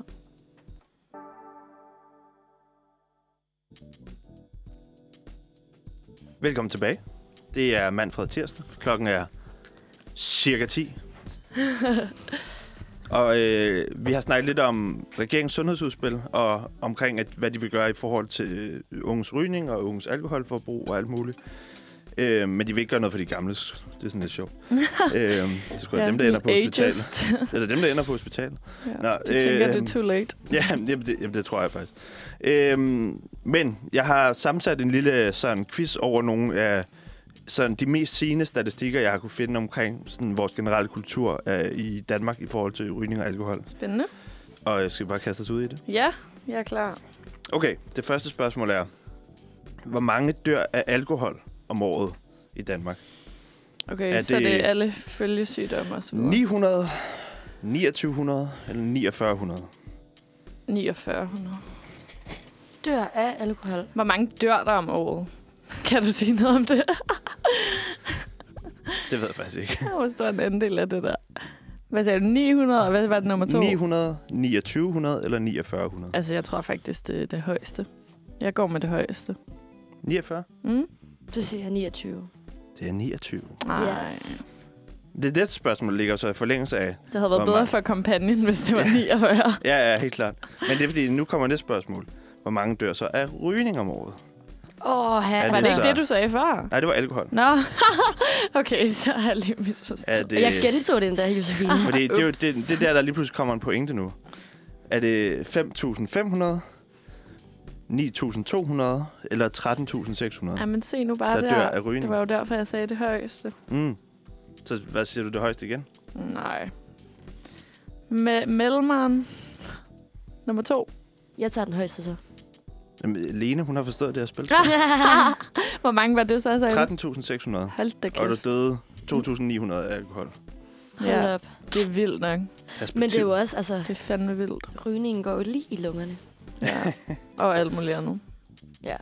Ja, rygning er jo åbenbart den største, nej, den største eller næststørste dødsårsag i Danmark. Ja. Mm. Man tænker jo ja, primært på sådan noget lungekræft. Præcis. Ja. Men du, der er jo også vildt mange, der får sådan noget strobe og tunge og Ja, og så... mundhulekræft. Ja, ja, og- alt muligt. Mm, Jeg kan da Uh. stadig huske i 8. klasse i biologi, der skulle vi på et tidspunkt øh, puste. Vi, vi havde fået sådan en, en rigtig lunge, jeg tror jeg, fra et eller andet dyr eller sådan noget, ind i vores klasse, og så skulle vi øh, sådan sprøjte øh, altså Ja. røg ind i den, og så kunne man bare se, sådan, hvordan den blev helt grå, den her lunge. og det er jo sådan, lungerne er ved altså, en ryger, Ja, ja. at de er helt grå og sådan... Altså, altså, i det folk tager Jamen, du et ved- hiv, så bliver den grå, eller mere sådan noget effekt over lang over, tid. over tid, over tid selvfølgelig. Øhm, og det, men så er der også sådan noget med, hvis du så for eksempel har været røgfri i fem år, så kan den faktisk, lungen komme rimelig meget tilbage Ja. ja. til, hvad den egentlig var før. Der er det vist bare et problem, hvis man er for gammel, Ja. når det, at man ja, stopper, det er sådan noget, man skal ja. stoppe inden 25 eller sådan Ja. ja. noget, føler jeg. Ej, det kan jeg, ikke, det skal Okay. sige, det kan jeg ikke huske. Men det er i hvert fald, ja, Ja. det er rigtigt. Næste spørgsmål. Yes. Hvor mange procent af mænd mellem 45 og 54 dør af alkohol? 10, 20 eller 30 procent? Altså 20-30 procent af alle mænd. Af, af alle mellem, mellem Der er- 45 og 54 Ej, år. det Så der er mindst 10, der 10%. dør. Det er jo 10, vildt. 10, 20 eller 30 Ja, ja. Ja, det er mange. procent. Jeg siger 10 procent. Ja. Det siger jeg også. Er det 30? Hvad? Nej. Altså alle de dødsfald, der er blandt, Blandt mænd. mænd. i mellem øh, 45 og Så 54, det, 30 procent af dem. Det er det alkohol. er alkohol. Hold da op. Men det er de unge, der skal gå ud af det udspil, ikke? Men er det ikke også ret højere hos mænd end hos kvinder? Jo, det er derfor, jeg tog den med. Ja. Øh, og det vil være en generel ting, at alle de tal, jeg kommer til at snakke om i forhold til mænd, det er sådan, nogle, ofte så cirka det halve ved kvinder. Eller sådan. Okay. Jeg tror faktisk slet ikke, der var en statistik på, hvor mange kvinder, der døde lige i den der aldersgruppe.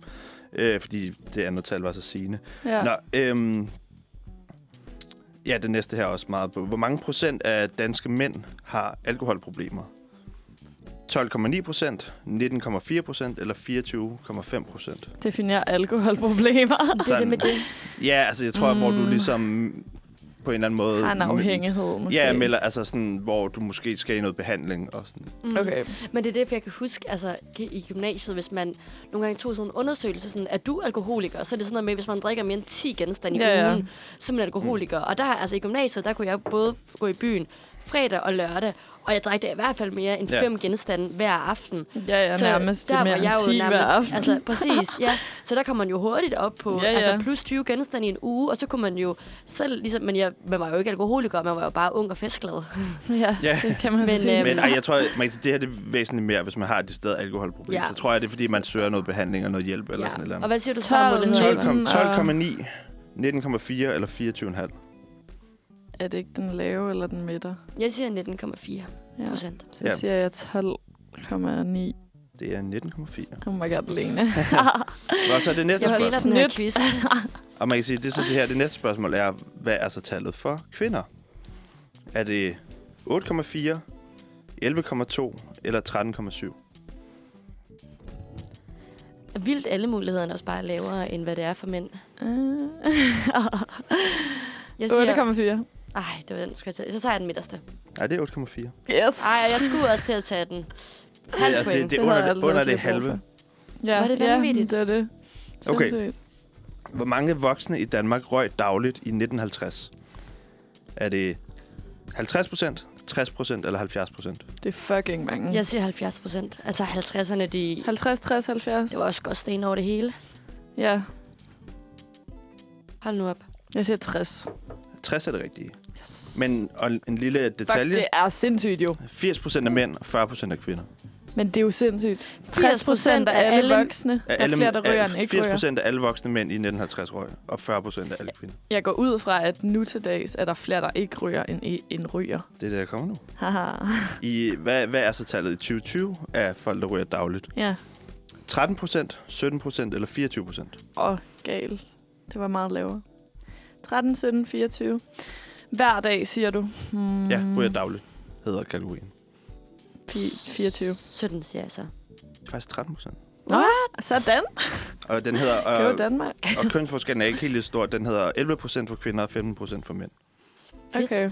Men kan det ikke også være svært at sidde i sådan... Vi er jo blevet meget klogere på, hvor dårlige cigaretter er for kroppen og for mennesket. Så det er jo også nemt at kigge tilbage Mhm. og sidde og sådan pege Ja, ja. fingre af folk i 1950'erne. Men der var jo, der var jo en gang, man nærmest... Men havde dem, der man havde vidderligt lunge, ingen idé om, Nå, men der var jo en gang, at dem, der havde lungeproblemer, så reklamerede man for, at det ville hjælpe at ryge, og det ville hjælpe med Ja. cigaretter. What? Sådan startede Ja, det ud, ja, ja. What? at cigaretter skulle hjælpe med at kunne trække vejret bedre. Nå, Så det er jo klart, at der var flere, der røg dengang. Og Og det er også... så det bare derude af. Ja, og man kan sige, at den er nok heller ikke på den måde var den samme belastning, fordi man vidste ikke helt, hvad lungekræft var. Folk de døde bare, så var det Mm, det, ikke? Lige Eller så. præcis. ja, Ja, ja. det er vildt. Okay, men så hvor mange øh, voksne, eller nej, skal nu hedder den, hvor mange ryger dagligt af dem, der er i alderen 18 til 24? I, Uh, det er spændende. Det er jo lige sådan... Jeg tror, at den her for 20, at det her det er for 2021, det her Ja. tal. Er det 9,4, 12,1 eller 15,9?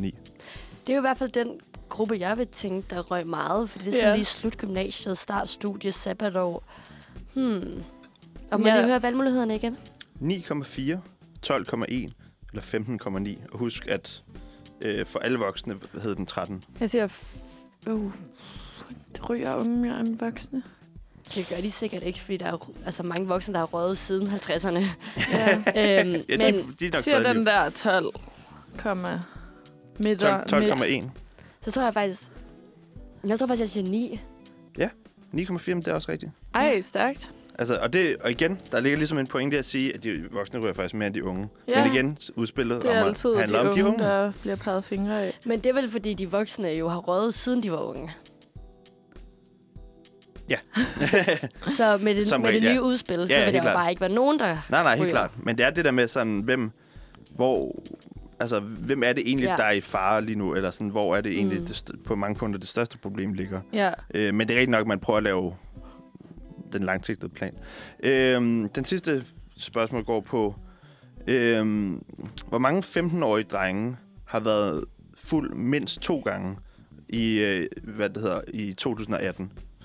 I- tal- Tallet er for 2018. Hvor mange drenge har været fuld mindst to gange, På 15 år. i, der er 15-årige? Ja. Okay. Har du nogle svarmuligheder? Nå ja, det er rigtigt. Nå.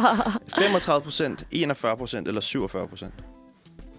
Mm, der går man i 9. Jeg siger 41. Hvad var den høje? Hvad var, vil du lige sige dem igen? 35, 41, 47. 47. 47 er rigtigt. Cirka halvdelen. Og så, okay, og nu, er, nu kommer pointen ligesom. I 2015, hvad var tallet så der? 39, 48 eller 57? Det var sikkert 39, så... Ja, jeg Lavere. tror også, det var lavere. Så det siger jeg også. Ja, det er også rigtigt. At den var faktisk øh, lavere i 2015. Og End det er sjovt. 18.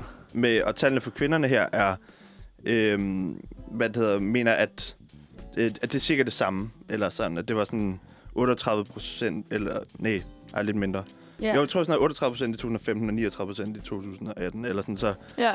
Så den er primært kun steget blandt, øh, blandt drenge. Øhm, og det sidste af spørgsmålet er, i 2000, altså for øh, 15-årige drenge, der har været fuld mindst to gange, i 2018, i Sverige, hvad er tallet så der? Ha. 12 procent, 18 procent eller 24 procent? 12. Den hopper jeg med på.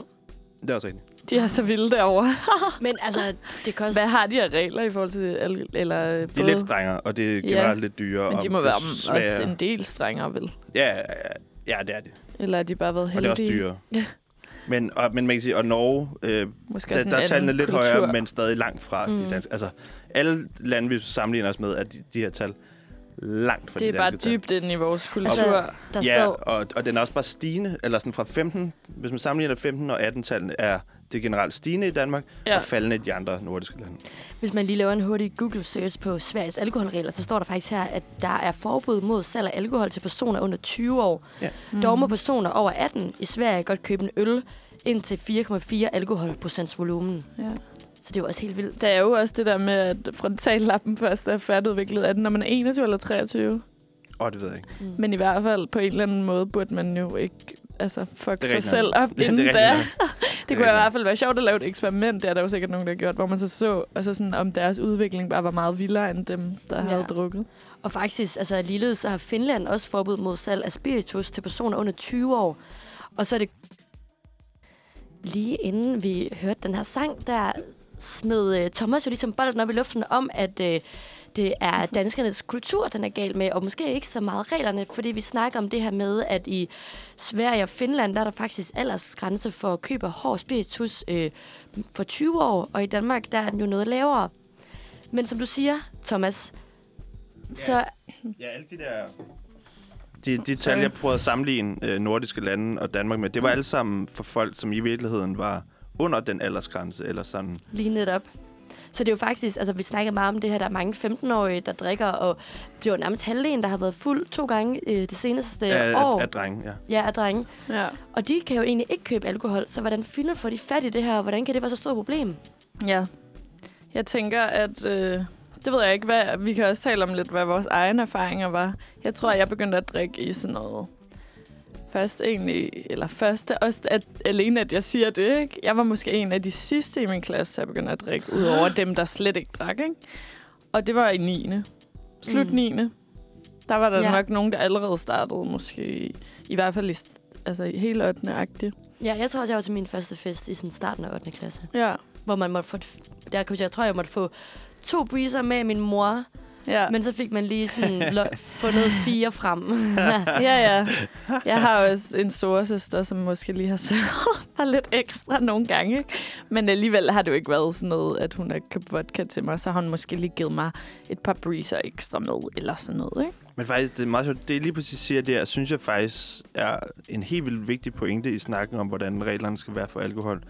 At, at hele det her med, at man har et, man kan nærmest kalde det et progressivt system, hvor at du kan købe øh, med lave alkoholprocenter, når du er 16, og hø- høje alkoholprocenter, når du er 18, egentlig er med til at lave den der dannelse på en eller anden måde, for at kunne styre det, ja. hvor man lærer at drikke alkohol i de små, og så, når man bliver ældre, har man ligesom på den måde lidt bedre styr på, hvad man kan indtage. Principielt ja, jeg ved ikke, om udførelsen går så godt.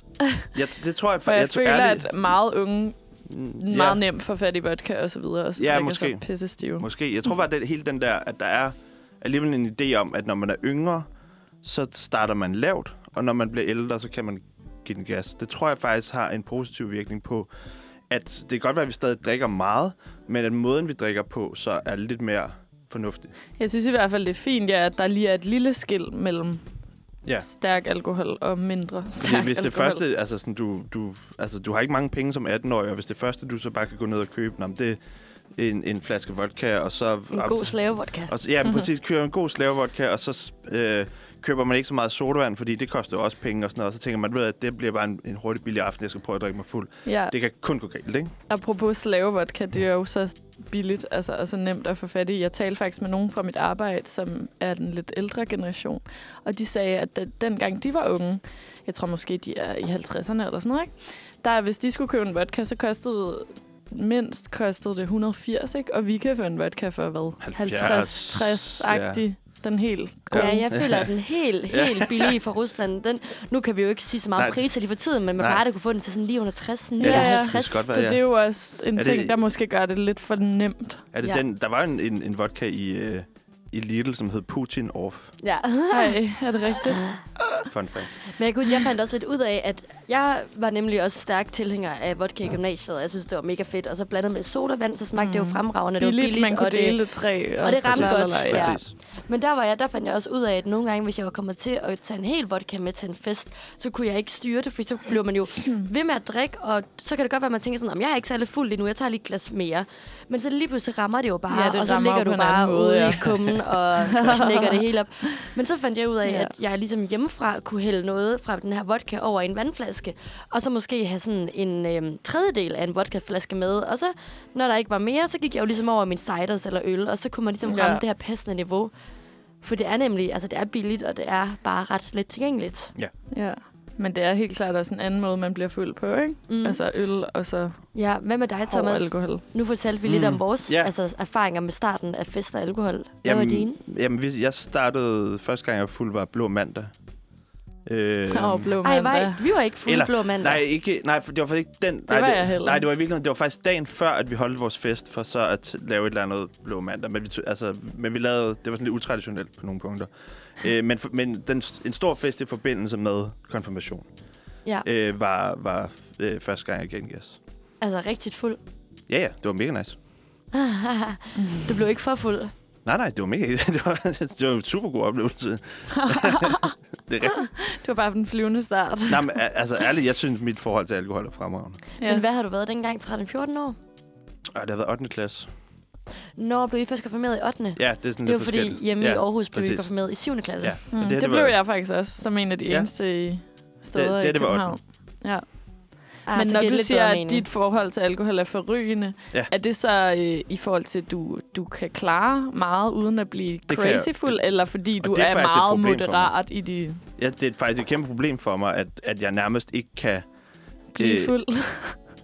I hvert fald, jamen, sådan noget med, hvis man, hvis man er nogle steder, hvor man bare lige hygger og drikker nogle øl og sådan noget. Jeg kan ikke mærke det overhovedet. Okay. Øh, det skal, der skal på en eller anden måde lidt mere tempo på, før at det, det Og det synes at du er lidt sjovt. irriterende? Ja, det, bliver sådan, det er sådan lidt irriterende på mange punkter, fordi både det bliver lidt dyrt, øhm, Mm. men noget andet er, altså sådan, det er også bare irriterende, at man ikke sådan kan, øh, altså bare, bare lidt virkning må, må der godt være, ikke? Ja. Men det, fandme Men det siger jo også noget, altså det er jo fordi, du så sidder med en gruppe, der bliver hyggefuld, og så er det noget, han ikke selv at blive det, ikke? Jo, jo. Men det viser også bare rigtig meget om den kultur, der ligesom er blandt unge. Mm. Og også i forhold til gymnasiet, som vi allerede har talt lidt om. Jeg fandt faktisk en, en uh, artikel i går fra Politiken, hvor at de havde spurgt en masse øhm, unge og i gymnasiealderen omkring det her med forslaget om, at grænsen for salg af alkohol skal hæves til 18 år. Og der øh, var næsten alle imod det, fordi at øh, deres begrundelse var ligesom, at det er, en, det er så stor en del af kulturen til festerne på gymnasiet, og det vil ødelægge simpelthen noget af fællesskabet. Men i og med, de kommer med de udtalelser, så tænker jeg også lidt, at den reaktion er ligesom en klar udlægning af det problem, vi har i dansk kultur til dels. At sådan burde unge ikke godt kunne skabe en sådan sund kultur, social kultur og et stærkt fællesskab uden, eller i hvert fald med mindre druk. Øhm, Men jeg kan også godt altså se sådan, problemet. man skal være fuld for at hygge sig, eller Ja. hvad? Nej, men det er også bare lidt det der med netop, at hvis man hæver den til 18 for alle, at det er jo lige, altså sådan, jeg blev 18 i første G, og nu sagde du lige før, Josefine, du blev 18 i 3. G. Ja. At det er jo bare, altså sådan, man kommer godt, altså i forvejen, jeg havde jo så taget 10. klasse, øhm, og er øh, født sådan tidligt på året, og derfor blev jeg jo så 18 i første G. Og bare i min gymnasieklasse, der blev vi altså meget sådan grupperet efter, hvem der havde været i 10. klasse, og hvem der ikke havde. Okay. Fordi man bare kunne mærke en forskel sådan rent Mm. modenmæssigt. Altså i Og- forhold til at have drukket, eller? Nej, nej, bare i forhold til, hvor du var i dit liv, og hvor langt Okay. du var. Ja. Og der tænker jeg bare, at hvis jeg så kunne begynde at købe øl allerede i første G, og de andre først kan i tredje G, så kommer der bare en endnu tydeligere skillelinje, og man bliver endnu mere grupperet, og så kommer det jo til at være os, der kan gå ud og have det sjovt fredag aften, og de andre, der skal sidde derhjemme og se X-Factor. Ja. Helt sikkert. Ja, og det er jo den værste anden sådan, mulighed. Ja. Der er jo også meget det der med, at folk bliver holdt udenfor, hvis man så vælger ikke at drikke op. Der er meget med det her at blive presset Helt klart. til at drikke. Ja, ja, der er mange, der... Altså, man kan sige... Der er, der er helt klart et fortal, eller et flertal, der bliver presset til at drikke alkohol, før de måske egentlig ville have gjort det. Der kørte jo også Øh. den der række reklamer, kan I huske dem? Hvor det var sådan noget, de havde skiftet alkoholen ud med pølser. Og så hed den pølsepresser du mig. så var det sådan noget, for eksempel to, der sad på en date, og sådan, så siger hun, øh, der tjeneren kommer, skal lige have noget at starte på, og hun siger, ja, jeg tror bare, jeg skal have en lille pølse. Øh, Hvad med dig? Og så er han egentlig sådan lidt, ah, men jeg havde faktisk tænkt måske bare noget limonade eller noget, og så hun sådan, okay, øh, Ja. skal vi ikke bare lige have en lille pølse? og sådan noget. Og så var der også nogle andre reklamer, hvor det var sådan noget, man skulle lære at sige, sige fra, ikke? Fordi Mm. hvis man bare siger til folk, pølse presser du mig, eller alkohol, presser du mig til at drikke alkohol, så backer folk jo væk, ikke? Det er fordi, Ja. det er svært at sige, ja, ja, fordi det er præcis. så almindeligt, og Men jeg synes, man skiller sig virkelig hurtigt ud mm. i Mm. hvert fald.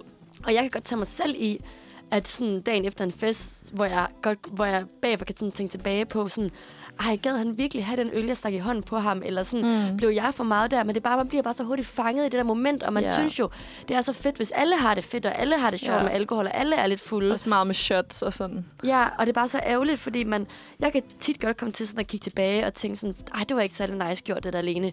Det vil jeg ønske, at jeg havde taklet anderledes. Men når man står i momentet, så bliver man bare fanget af stemning og tænker sådan, fuck, hvor er det ja, fedt, ja. det her. Ja. Ja. Jeg tror, at man kan sige, et er selvfølgelig at sidde til en konkrete fest, men noget andet er jo også bare, hvis altså de her sådan åbne rum for, hvordan man laver øh, sociale ting som unge mennesker, altså at tage til en eller anden fredagsbar, eller man tager ud i byen, eller sådan et eller andet. Altså sådan, det, det er klart, at hvis du ikke drikker, så er du bare ikke villig til at, har du bare ikke lyst til at tage med nok. Ja. Eller sådan, altså. Nej. Det, det hedder også fredagsbar, og ikke... Det burde hedde fredagscafé. Men, man, Ja. men, Ligesom gym. men, Det men det dilemmaet på er jo, at det er jo, det er jo et, et klart mindretal, der er sådan, jeg drikker ikke ja. Og det er jo, altså sådan, så skal de ligesom... Hvor, hvor meget skal de have at sige i forhold til, at det måske er... Altså, jeg ved ikke om... Jeg har ikke, faktisk ikke tal på det, det burde det have. Men lad os bare sige, det er sådan 80 procent af gymnasieelever eller sådan unge mennesker, folk over 18, der, der, der drikker alkohol. Nogle gør mere end andre. Men sådan, at skal de her 20 procent så ligesom begynde at indføre nogle regler med, Mm. når nu holder vi ja, ja. alkoholfri fester? det havde vi eller... øh, kæmpe dilemma med på min højskole, ja. hvor lærerne ville have, at vi havde en alkoholfri weekend i, hver Ja. ja. måned. ja. Og det var vi jo en masse, der syntes, det var jo ærgerligt, fordi vi var mange, der godt bare kunne sidde og nyde en øl og spille nogle brætspil eller et eller andet. ja, ja. Men ja, det er det der med, sådan, hvordan kan vi imødekomme altså, flest muligt. Mm. Men jeg tænker, Josefine, at det var en kæmpe god idé, det der med at sige sådan, pølsepresser du mig? For så kan man da lidt pointen på en måde, hvor at Ja. ja. det bliver sjovt, og det ikke bliver seriøst. Og ellers så øh, vil vi følge med i det her udspil fra regeringen, og vi har jo fået øh, vendt det fra mange sider i dag, og så må vi se, hvad det ender med. ja. Det er meget Det er spændende. meget spændende, ja. Der går nok også et godt stykke tid, før vi får en afslutning. Og det går ikke ud over os, by the way. Nej. Nej. Vi øh, hopper stærkt videre til endnu et stykke musik, og vi skal høre Reach Out med Libra og Sally Fabricius.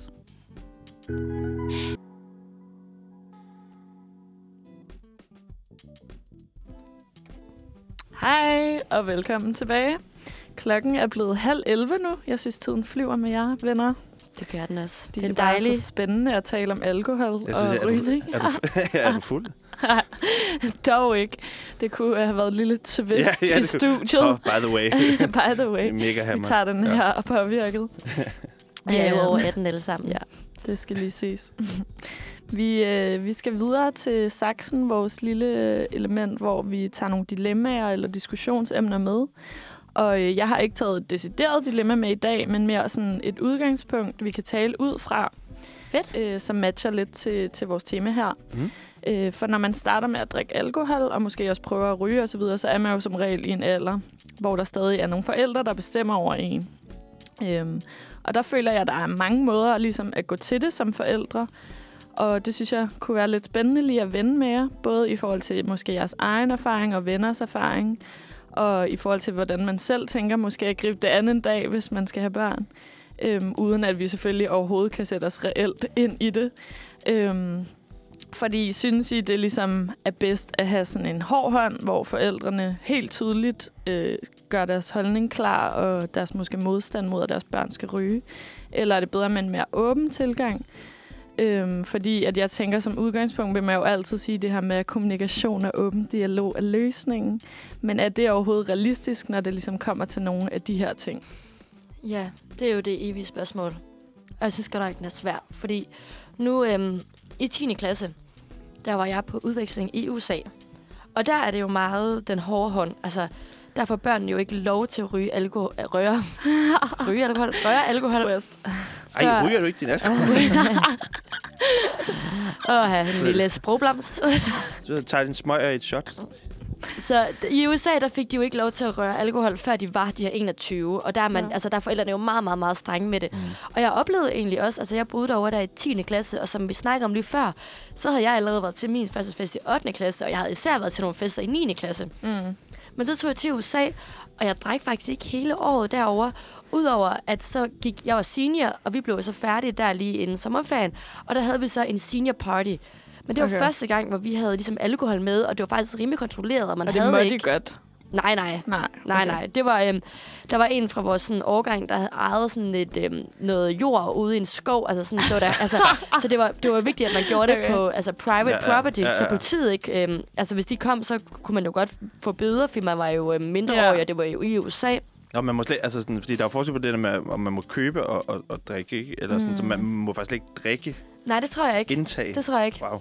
Som jeg forstod det. Nu, kan jeg, nu er det mange år siden. Ja. Ja. Nej. Okay, Men så I festede slet Hele ikke? pointen var bare, at derover var det jo meget strengt, og man måtte ikke. Og der var den her seniorfest, og det synes jeg egentlig også var egentlig okay, og det var rimelig kontrolleret, og der var nogen, der holdt sig ædru, så vi kunne køre hjem derudefra, og øhm, det var altså første gang, jeg drak et helt år derover, hvorimod jeg så kunne høre hjemme fra mine jævnaldrende venner i Danmark, der var på efterskoler, at der gik det jo Der var det gået fuldstændig helt. amok. Ja. Så der På kommer det... efterskoler? Ja. Der må du held... Eller, man Jo, sige, du så, har jo de tager der man nogle- fester væk fra efterskolen. Ja, ja, lige præcis. Ja. Eller sådan, men det, ja. Og mange, der begynder at ryge på efterskoler også. Hold da Mm. op. ja, det er rigtigt. Ja. Det er en kæmpe ting. ja. Så jeg synes, den er svær. Men de drak ikke sådan... Altså, det var den eneste fest, de lavede. Ja. Fordi så kan man jo sige, at det egentlig har virket ret Ja. godt med en hård lige der i ja, det, det tilfælde. tror jeg også. Men så tror jeg så til gengæld, at de så alle sammen kommer ud, så tager de jo på college bagefter, og der er de jo sådan de der 19 år. Ja, altså, Og der går det vist amok, for så kommer de for første gang væk fra Ja. forældre og kan bare give den gas. Og der Og har kan jeg måske så ikke hørt, at det heller, der er mange, de der ikke kan det. styre det. yes. Ja. Så det er jo lidt, altså jeg ved ikke, Vi er jeg jo synes, er i Danmark, kan man sige. Det kan være, at vi lærer at styre det lidt bedre, forhåbentlig. Jeg synes måske også bare, at det er farligt med den der sådan hårdhånd i forhold til, at så tør børnene nok ikke heller at sige, hvis de har prøvet. Altså sådan, Mm. så bliver det meget sådan en ting, man skal skjule, skjule, Ja, det er så bliver skjule. lidt tabu, ikke? Og det ved jeg ikke. Altså, det kan da godt være, at det så også gør, Mm. at man ikke gør det lige Ja. så meget. Ja, Men jeg og, synes, det er som udgangspunkt det er federe at kunne tale mm. om det. Og det kan man jo også sige, at nu var vi jo taget ud i en skov her, for at der ikke var nogen, for vi Ja. kunne jo ikke være hjemme med nogen, for der var Ja. jo forældre. Så vi var ude i den her skov, og det var jo sådan sommer, og det var dejligt, det var hyggeligt. Men hvis der var gået noget galt, så Mm. var der altså langt efter forældre, eller efter hjælp, eller altså, Okay, shit.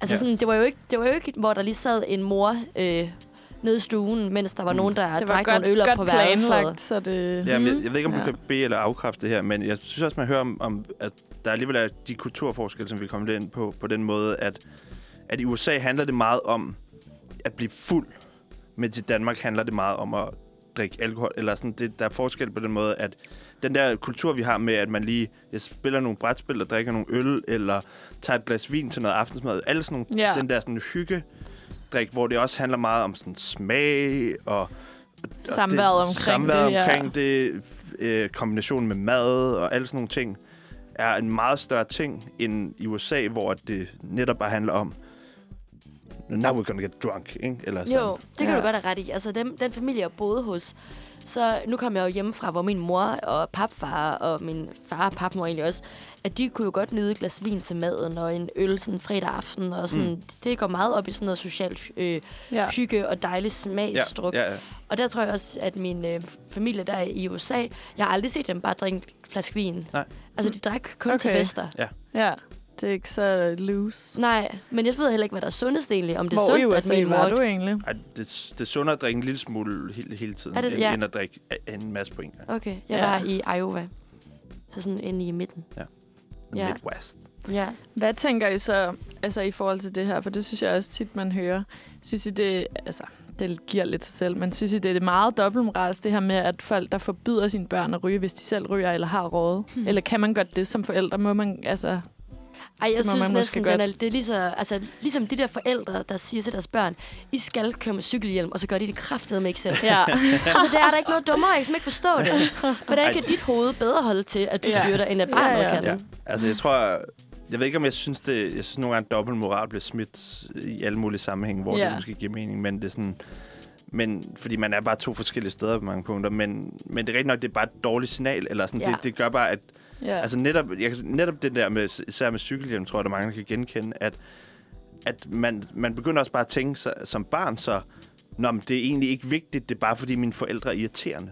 Eller sådan, altså sådan, Ja. at, at de signal, mm. altså sådan, at chancen for, at man så følger det, bare, vil bare være mindre i sidste ende, fordi at forældrene ikke lige tager sig sammen i en eller anden periode. Ja. Jeg synes måske også, at grænsen går... Altså, der er jo også nogen, der så ryger de bare med deres børn. Fordi begge ryger. Det synes jeg er lidt Ja, ja. Det, voldsomt. Det er jo sådan det modsatte af at sætte et eksempel i Ja. hvert fald. Men, Men jeg, jeg synes, synes, det kan godt, man må svært. have en mening om, at, at sådan, hvis du var mit barn, selvom jeg røg, så måtte jeg godt have en mening om, at det synes jeg ikke, du skulle gøre. Ja, Men det ville være meget stærkere, hvis jeg så aktivt gjorde noget og var sådan, nu Ja, ja, prøver jeg at præcis. stoppe, fordi jeg vil ikke have, at du gør det, og så Lige gør vi præcis. det her sammen. Lige præcis. Eller et eller andet. For jeg synes bare, det kan være lidt latterligt, at man står og siger, du må ikke ryge, og så efter aftensmad, når jeg går lige ud og tager en smøg. Ja. Ja. Og man er sådan, Ja. altså hvad er det lige for et signal, Mm. man sender? Men jeg har så til gengæld oplevet, at de børn, der har haft rygerforældre, faktisk tit er mere sådan, altså de har ikke lyst til at ryge, fordi de kan se, hvor ulækkert det er, hvor Ja, meget ja. det kan påvirke, og hvordan man ja, kan det er hænge meget fast i enten den eller, bane. ja. Ja. Ja, Ja, man sådan- kan sådan også en- blive lidt ja, skarpt for life præcis. Ja, sådan en ven har jeg, lugten som, som vildt, altså sådan, jeg kender en, der hader rygning mere. Der er, nogle gange, hvis, jeg har, hvis vi har været fulde i byen eller sådan noget, og der er nogen, der har tilbudt mig en smøg, og jeg sådan, tænkte, ja, helt sikkert. Så han sådan begynder sådan at tæve mig. Eller sådan, at slå. Bare sådan, altså, sådan, altså virkelig anti, men det er også fordi, netop fordi hans, hans mor har været super kæderyger i Ja. hele hendes liv nærmest, og bare sådan, hans hjem har bare været fyldt med Uh, smøger og røg og sådan noget. Altså sådan, Ja, Jamen lige præcis. Så, jeg, altså, så på den måde, så kan det jo godt have nogle gode effekter, hvis man altså sådan, bliver så skræmt af det. ja. Men samtidig, så tror jeg bare, altså, jeg synes bare, det, altså, det har jeg i hvert fald selv tænkt mig, når jeg engang skal have børn og være forældre, at jeg håber virkelig, at jeg kan være et forbillede og netop bruge cykelhjelm og ikke, Ja. altså, ikke, altså sådan, de ting, jeg ønsker, at mit barn skal gøre, så ligesom selv prøve at Ja, ja, ja. ja. leve op til de forventninger. Det bliver også mere ligeværdigt et forhold, ikke? Det behøver jo, der behøver ikke være den der ulighed Nej. i forhold til, at jeg er voksen, og du er barn. Nej, og lige netop, og så kan det godt være, at jeg siger til mit barn, nej, du må ikke få slik en tirsdag aften, og så når jeg har puttet Sønneke, så kan det være, at jeg selv hiver fat i metadormixen, men hvad de ikke ved, har de jo ikke ondt af. Nej, men det er, jeg er meget enig. Jamen altså, det synes jeg virkelig. meget mere pragmatisk. Det må man Ja. gerne. Nej, men Ja. er meget enig. Men øh, sjovt lige at høre lidt tanker om det, så må vi jo vende tilbage om t- 20-30 år. Se om, jeg, Eller mere. I don't know. om vi kører med er cykelhjelm og ikke ryger. Og... Ja. Øh, vi øh, hører lige en sang, og det er De ved ikke med bandet Insulin.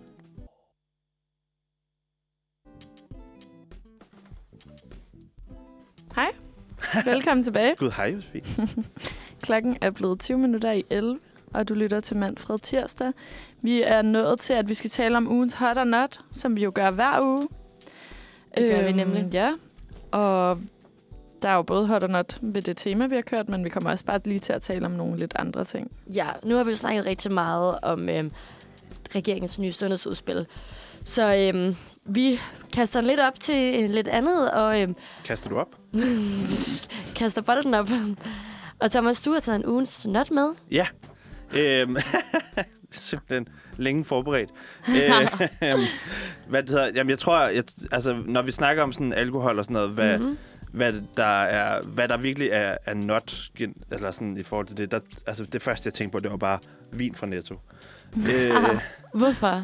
jeg synes, det er okay. Det er, Det er fordi, vel ikke al vin fra Netto, der er dårligt. Der findes... Øh, man kan være heldig en gang imellem, selvfølgelig. Og det kan man i alle øh, supermarkeder. Øhm, men jeg tror, jeg tror min, min, jeg har helt klart flest dårlige erfaringer med Netto, og det er også fordi, der, det er en butik, man kommer lidt mere i. End, der er flere Nettoer, end der er Rema, for eksempel. Ja, i hvert fald i København. Det har Ja. ja. jeg sjovt, det har jeg undret mig over. Ja. Der er ikke særlig mange Rema 1000'er i København. Nej, og de har faktisk bedre vin. end I Netto. forhold til i Aarhus. Er det rigtigt? Helt vildt Ja. skørt. Men jeg tror, det der irriterer mig jeg meget... elsker Rema 1000, så jeg er meget ja, ked af det. Ja, ja, meget enig. Øh. Jamen, det er faktisk også, det, hvis man laver, når man laver sådan nogle undersøgelser, det er også danskernes øh, favoritsupermarked. Men hvorfor findes det så ikke i København? Nogle steder. Er det, er, altså, er det en jysk Det jeg kæde, eller altså, fordi det er jo overalt i Aarhus? Mm. Nå, Ja, tilbage Tag- til Netto. Ja, tag hjem i stedet. Øhm, jeg tror, mm, det, det er fordi, den, den, den type af vin, de ligesom køber ind, det, det er... Øhm, det er fra Australien og Kalifornien. Det er sådan nogle øh, oversøiske vine, som man kalder det. Hvor at enten så, har man, så køber man de her oversøiske vine, som øh, oftest på mange punkter er noget masseproduceret bras, der skal smage øh, sådan ufatteligt sødt, eller ufatteligt sådan...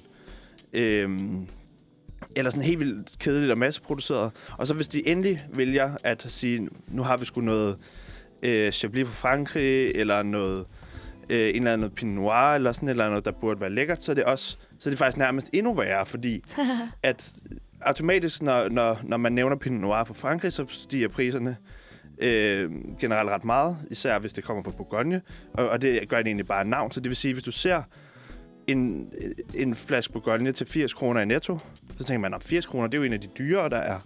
Men den sandsynligvis endnu dårligere, end, end hvis der er en øh, Pinot Gris fra Norditalien til en 50'er eller sådan noget, fordi, øh, fordi du kan, det kan nærmest ikke lade sig gøre at lave en Bourgogne til den, til den penge, så der er en eller anden form for snyd involveret. Også hvis man køber en... Nu bliver det rigtig nørdet. hvis, man køber en Amarone i Netto eller sådan noget, der, der, det, det, kan ikke, det kan ikke lade sig gøre, fordi at det er en meget, meget dyr proces, fordi du skal tørre vindruer i sådan 4 til seks måneder. Så hvis du skal producere en, en Amarone til 100 kroner eller sådan noget, så har du snydt på en eller anden måde. Mm. Så hvor skal jeg gå hen og købe min vin? Irma, kære Sommerfelt. Øhm, der findes også nogle, nogle lokale vinbutikker. Ja. Og man kan Øh. godt gøre det på, på budget. Nej. Nej. Okay, så Lad det er noget, at man sparer vin, op Jeg tror, til. at- Spar op til Min det, og er- en god flaske. er, Det er Thomas anbefaling. Re- Rema har faktisk øh, de bedste vin til prisen. Sådan. Okay. Så ugens nuts, lad være med at købe vin i Netto. Og så skal vi videre til ugens hot. Josefine. Jeg har taget en ugens hot med, som også faktisk bare er en slags anbefaling, og det er jo fordi, at i morgen onsdag, der starter CPH Docs. Og CPH Docs, det er jo Copenhagen International Documentary, Documentary Festival, øh, som er en international dokumentarfilmfestival, startet i 2003 og bliver afholdt årligt her i København. Øh, den kører helt ind til den 3. april, så der er halvanden uge, hvor man har fri mulighed for at se en masse fede dokumentarer. Jeg skal selv se en masse, tror jeg, fordi at der er virkelig mange gode på programmet. Jeg har fundet en artikel fra Soundvenue, hvor de har samlet 15 af de mest essentielle internationale film på årets CPH Docs. Og der tænkte jeg lige, at jeg ville plukke et par stykker ud, så man kunne blive inspireret til, hvad man eventuelt kunne se. Der er den første, det er en, der hedder Fire of Love, og det er en meget hyped dokumentarfilm, øhm, eller den blev hyped efter den var på Sundance i januar, og også øh, er en Oscar-kandidat til 2023. Det handler om et ægtepar, der hedder Katja og Maurice, der gennem to årtier frygtløst opsøger forskellige vulkaner og askeskyer rundt i, i verden. Og så øh, undervejs har dokumenteret deres eventyr omkring det her. En anden, som øh, jeg tænker, jeg i hvert fald selv skal se, det er en, der hedder Hide and Seek. Og øh, det er... Øh, det er en hæsblæsende film, står der her, øh, som handler om et af Napolis hårdeste kvarterer. Øh, den følger øh, over fire år, tre generationer i en kriminel familie. Øh, så man ser lidt, ja, hele strukturen og nogle, måske lidt en anden kultur, end man selv er vant til. Så er der også en meget aktuel film, der hedder Navalny. Og det er øh, lidt i forhold til Putin og invasionen i Ukraine og så videre. Øh, den her film den handler om, at øh, den russiske oppositionspolitiker Alexei Naval Navalny, han, øh, øh, han blev jo forgiftet på, på passagerfly i, på vej til Moskva her for, ja, hvad er det, nogle år siden. Ja, det er den tid siden. Øhm, og ja, i den her film, så optravler han sig sammen med sit hold øh, af undersøgende journalister det her attentat, der blev lavet mod ham. Øhm, og dokumentaren kulminerer ligesom i en historisk vild scene, hvor han faktisk ringer til de mænd, der var bestilt til at udføre snigmordet, snigmordet på ham selv. Okay. Så det er super interessant, synes jeg. Der er øh, som sagt virkelig, virkelig mange film, der bliver øh, vist rundt omkring øh, i København, så jeg synes 100% man skal sætte sig lidt ind i programmet, lige sådan udplukke, hvad man har lyst til at se, og så tage, tage ind og se nogle fede dokumentarer og lære lidt om alt muligt. Der er jo lidt af hvert, som jeg allerede kan høre. Mm. Mm. Så det er en kæmpe hot. Meget spændende. Hvor tager man hen og ser filmene så? Øhm, der er i hvert fald nogle i Cinemateket, ved jeg. Jeg tror også, det bare handler om, hvilke biografer, der sådan har valgt at samarbejde. Jeg kan ikke lige nævne Nej. alle stederne, Men men, øh, rigtig mange forskellige steder i hvert fald. Der er også en masse øhm, happenings, eller hvad vi skal kalde det, events, der ikke er filmvisninger. Okay. Ja. Fedt. Mm. Mm. Det var jo ugens hot og not. Så skal vi videre med en sang. Vi Og hvad har du på programmet nu, Josefine? Jamen, vi skal høre en ny sang af Shrew, som hedder Nobody's Baby. Nu er klokken ved at være lidt i 11, og øhm, vi skal til at snart takke af her fra Manfred Tirsdag i dag, og det har været mega hyggeligt. Men før vi lige runder helt af, så har vi selvfølgelig en anbefaling med til jer lyttere. Ja, jeg har øh, fundet en anbefaling, som holder sig lidt inden for vores alkoholrygning-tema. Fordi det synes jeg var på sin plads. Hvis man ikke synes, man er blevet informeret nok af os, så kan man lige gå til måske nogle lidt mere valide kilder. øhm, og ja, jeg har øh, som det første, eller primær anbefaling, så øh, hvis man har brug for mere viden på området, som ikke bare ligesom er statistik og skræmmebilleder, som jo ofte er det, man hører om i forhold til rygning, så kan man for eksempel prøve at lytte til podcasten Danmarks Stræber nummer 1. Øh, det er Peter Faltoft, der har den podcast, og øh, han prøver at komme til bunds i, hvorfor, øh, hvorfor vi ryger så meget i Danmark, og hvorfor der er så mange, der begynder at ryge. Øh, på tidspunktet, den kom ud, der var der faktisk en stigning i antallet af ryger. Det ved jeg ikke, hvordan ser ud lige nu. Øh, forhåbentlig ikke længere. Øh, men Peter Faltofts egen far, han har selv røget hele livet og lever med lungesygdommen kol. Og så i podcasten her, der taler han faktisk sammen med sin far om alle de her tanker omkring rygning. De taler om, hvordan det belaster miljøet, og hvordan man i Norge faktisk er lykkedes med at få, øh, få det gjort sådan, så det er meget få unge, der ryger. Øhm, og også taler om det her med, hvorfor nogen anser det som cool at ryge. Altså sådan hele den her udvikling og kultur, der er omkring rygning. Øhm, og jeg har lyttet til et par afsnittene, øhm, og de giver i hvert fald ikke en lyst til lige at light en op, vil jeg sige. Øhm, så folk kan lytte til den enten for at få lidt viden og nogle andre perspektiver på emnet, men måske også bruge sådan en afsnit som en slags alternativt nikotinplaster. Hmm. Øhm, ja. Hvor mange afsnit er der? Oh, jeg kan ikke lige huske, det. der er ikke sådan super mange. Nej. Jeg tror, det er sådan noget seks eller sådan noget. Okay, Ja. så sådan en overskuelig... Øh... Ja, en overskuelig portion, vil jeg sige. Øh, Hjernekassen har også lavet et afsnit om rygning, hvis man øh, vil høre lidt fra sådan helt eksperter. De har jo eksperter med i studiet som regel, ikke? Øhm, og hvor de også taler om, hvor skadeligt det er at ryge og så videre. Så hvis man er ude efter lidt mere info på emnet, Ja. så kunne det være et par anbefalinger. Hvilket egentlig er lidt sjovt, fordi det er sådan, hold kæft, hvor har vi meget, eller sådan, det, det er det, man synes, at man snakker om, at det er som om informationskampagner virker bare ikke længere, fordi altså, alle ved alt om rygning i forhold til, hvad der er skrevet det nærmest. Ja, ja. Det er også det, der gør, at man er så sådan nogle gange sådan, hvorfor fuck er det, Mm. folk Ja. gør det? Eller sådan. Men det er også det, jeg tænker, er det er, så der er vildt. sjovt, at jeg kan ikke helt selv forholde mig til den der afhængighedsfølelse, man får. Nej. At man virkelig bare har brug for at komme ud og få en smøg. Ja. Ja. sådan en gang i timen nærmest. Jamen, er det, ja. er det ikke lidt vildt? Ja. ja. Altså, fordi nu tænker jeg, at vi sidder alligevel her sådan... Vi er alle sammen lidt midt i 20'erne, og vi har selvfølgelig alle sammen prøvet at tage altså, et suransmøg. Det har de fleste. Men det der med at føle, at man har brug for at gøre det flere gange dagligt. Mm. Mm. Ja, ja, det er jo en afhængighed, ligesom Ja. alle andre afhængigheder. Og så er det jo di- altså, til diskussion om, hvad der er værre at være afhængig af, og hvad der Ja. er... Altså. Men også, altså ligeledes, så drikker vi tre jo også alle sammen alkohol, men det er jo heller ikke, fordi vi er afhængige af alkohol. Altså, jeg synes bare, det, Ja, ja. det må være en Ja, okay. ja, Thomas. Men det var bare være en vild følelse, time. at man føler, at man ikke kan undvære det, og simpelthen er nødt til at gøre det dagligt. ja. Jeg tror ikke, man kan sætte sig ind i det, før man har prøvet den her afhængighedsfølelse. Jeg tror, at det, det er nogle af bare det generelt forstår ved rygning, det er, hvad det egentlig gør ved, eller sådan alkohol, der er sådan, ah, det har den her sjove effekt, hvor man sådan bliver sådan lidt mere, øh, man, man tror, at man selv man er lidt sjovere, og man, man har- er sådan lidt mere let i det, og man, alt bliver, man, man har det i virkeligheden sjovere i sit eget hoved, ikke? Mm. Øh, og, så er det, og det er lidt det samme, hvis man, hvis man rører pot, så mm, får du også den der lethedsfølelse, hvor man sådan bliver lidt høj og sådan noget. Men hvad er det egentlig rygning gør, som hvor man tænker, nice? ja. Jeg ved egentlig heller ikke, altså fordi jo, alle ved jo godt, det er skadeligt og sådan noget, men jeg ved egentlig ikke sådan, hvor mange facts man reelt ved om det. Så Nej. måske Ja. kunne det være oplysende Og så er det vel også nogle at gange sætte sig svært lidt mere ind i det. at stå som altså, ung 20-årig, og så overveje konsekvenser for dit eget jeg som 60-årig. Ja, altså, ja, Mm. bestemt. Jo, jo, jo. Det er godt nok, altså man skal virkelig være Ja. langsigtet for at tænke, at det, Ja, her, det, en- det bliver en dårlig idé en dag. Ja, Ja. true. Det er lidt sjovt. Jeg kan Ung huske, og dum. Jeg arbejdede, jeg arbejdede en gang i, øh, i Irma, hvor at, øh, da jeg havde en kunde, som, når hun skulle købe smøger, så bad hun mig om at lede efter en, der ikke havde så slemt et billede. Hun, hun, hun, kunne ikke lide de der billeder af, af smadrede tænder. Eller... Men nu er der jo også blevet lavet de der nye pakker. Jeg ved slet ikke, Ja. om der er skræmmebilleder på dem.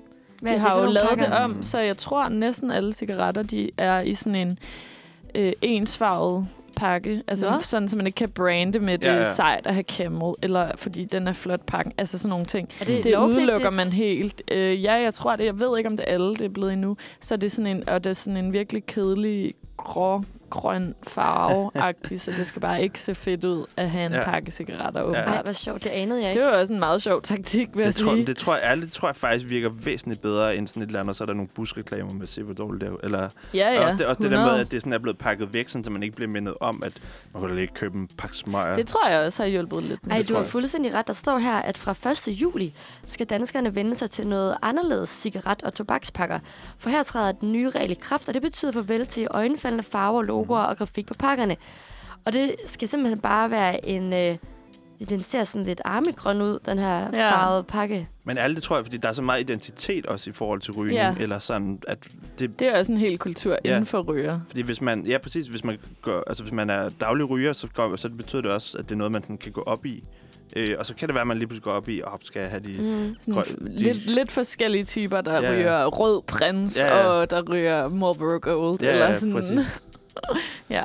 Men det troede Og jeg simpelthen ikke var en fjernet ting. kliks, kliksmøger jo. Ja. Ja. Eller, eller både og, eller jeg kender en del, som, som køber Nå, sådan ja. nogle som importerer sådan nogle, øh, sådan nogle dråber eller sådan noget, som de putter ind i smøgerne, sådan, Ja. så at de kan få den der Ja. Øh, mint. Eller Men øhm, vi har virkelig fået vendt og drejet hele den her øh, sundheds- og rygningsproblematik, der er i Danmark, som regeringen jo nu vil prøve at øh, gøre noget ved. Og så har vi jo øh, fået kastet en udfordring videre til Karoline, hvor hun skal. Ja. købe øh, vegansk. Nej, Jo, Jo. vegansk i en hel uge. Mega fedt, men øhm, ellers så vil jeg bare takke for en dejlig formiddag her i jeres selskab, og tak til alle jer, der lyttede med. Jamen selv tak. Det var øh, spændende, synes jeg, at vende alle de her ting med jer. det er også generelt måske bare et emne, hvor det er meget godt at høre andre unge mennesker sådan oplevelse. Lige Mhm. præcis. Ja, vi har da alligevel fået lidt forskellige perspektiver ud af det. Jeg tænker, at vi øh, slutter lige af på en sang, og så siger vi tak for i dag, og sætter Gimmer med Lukalea på. Den kommer her. Hej hej.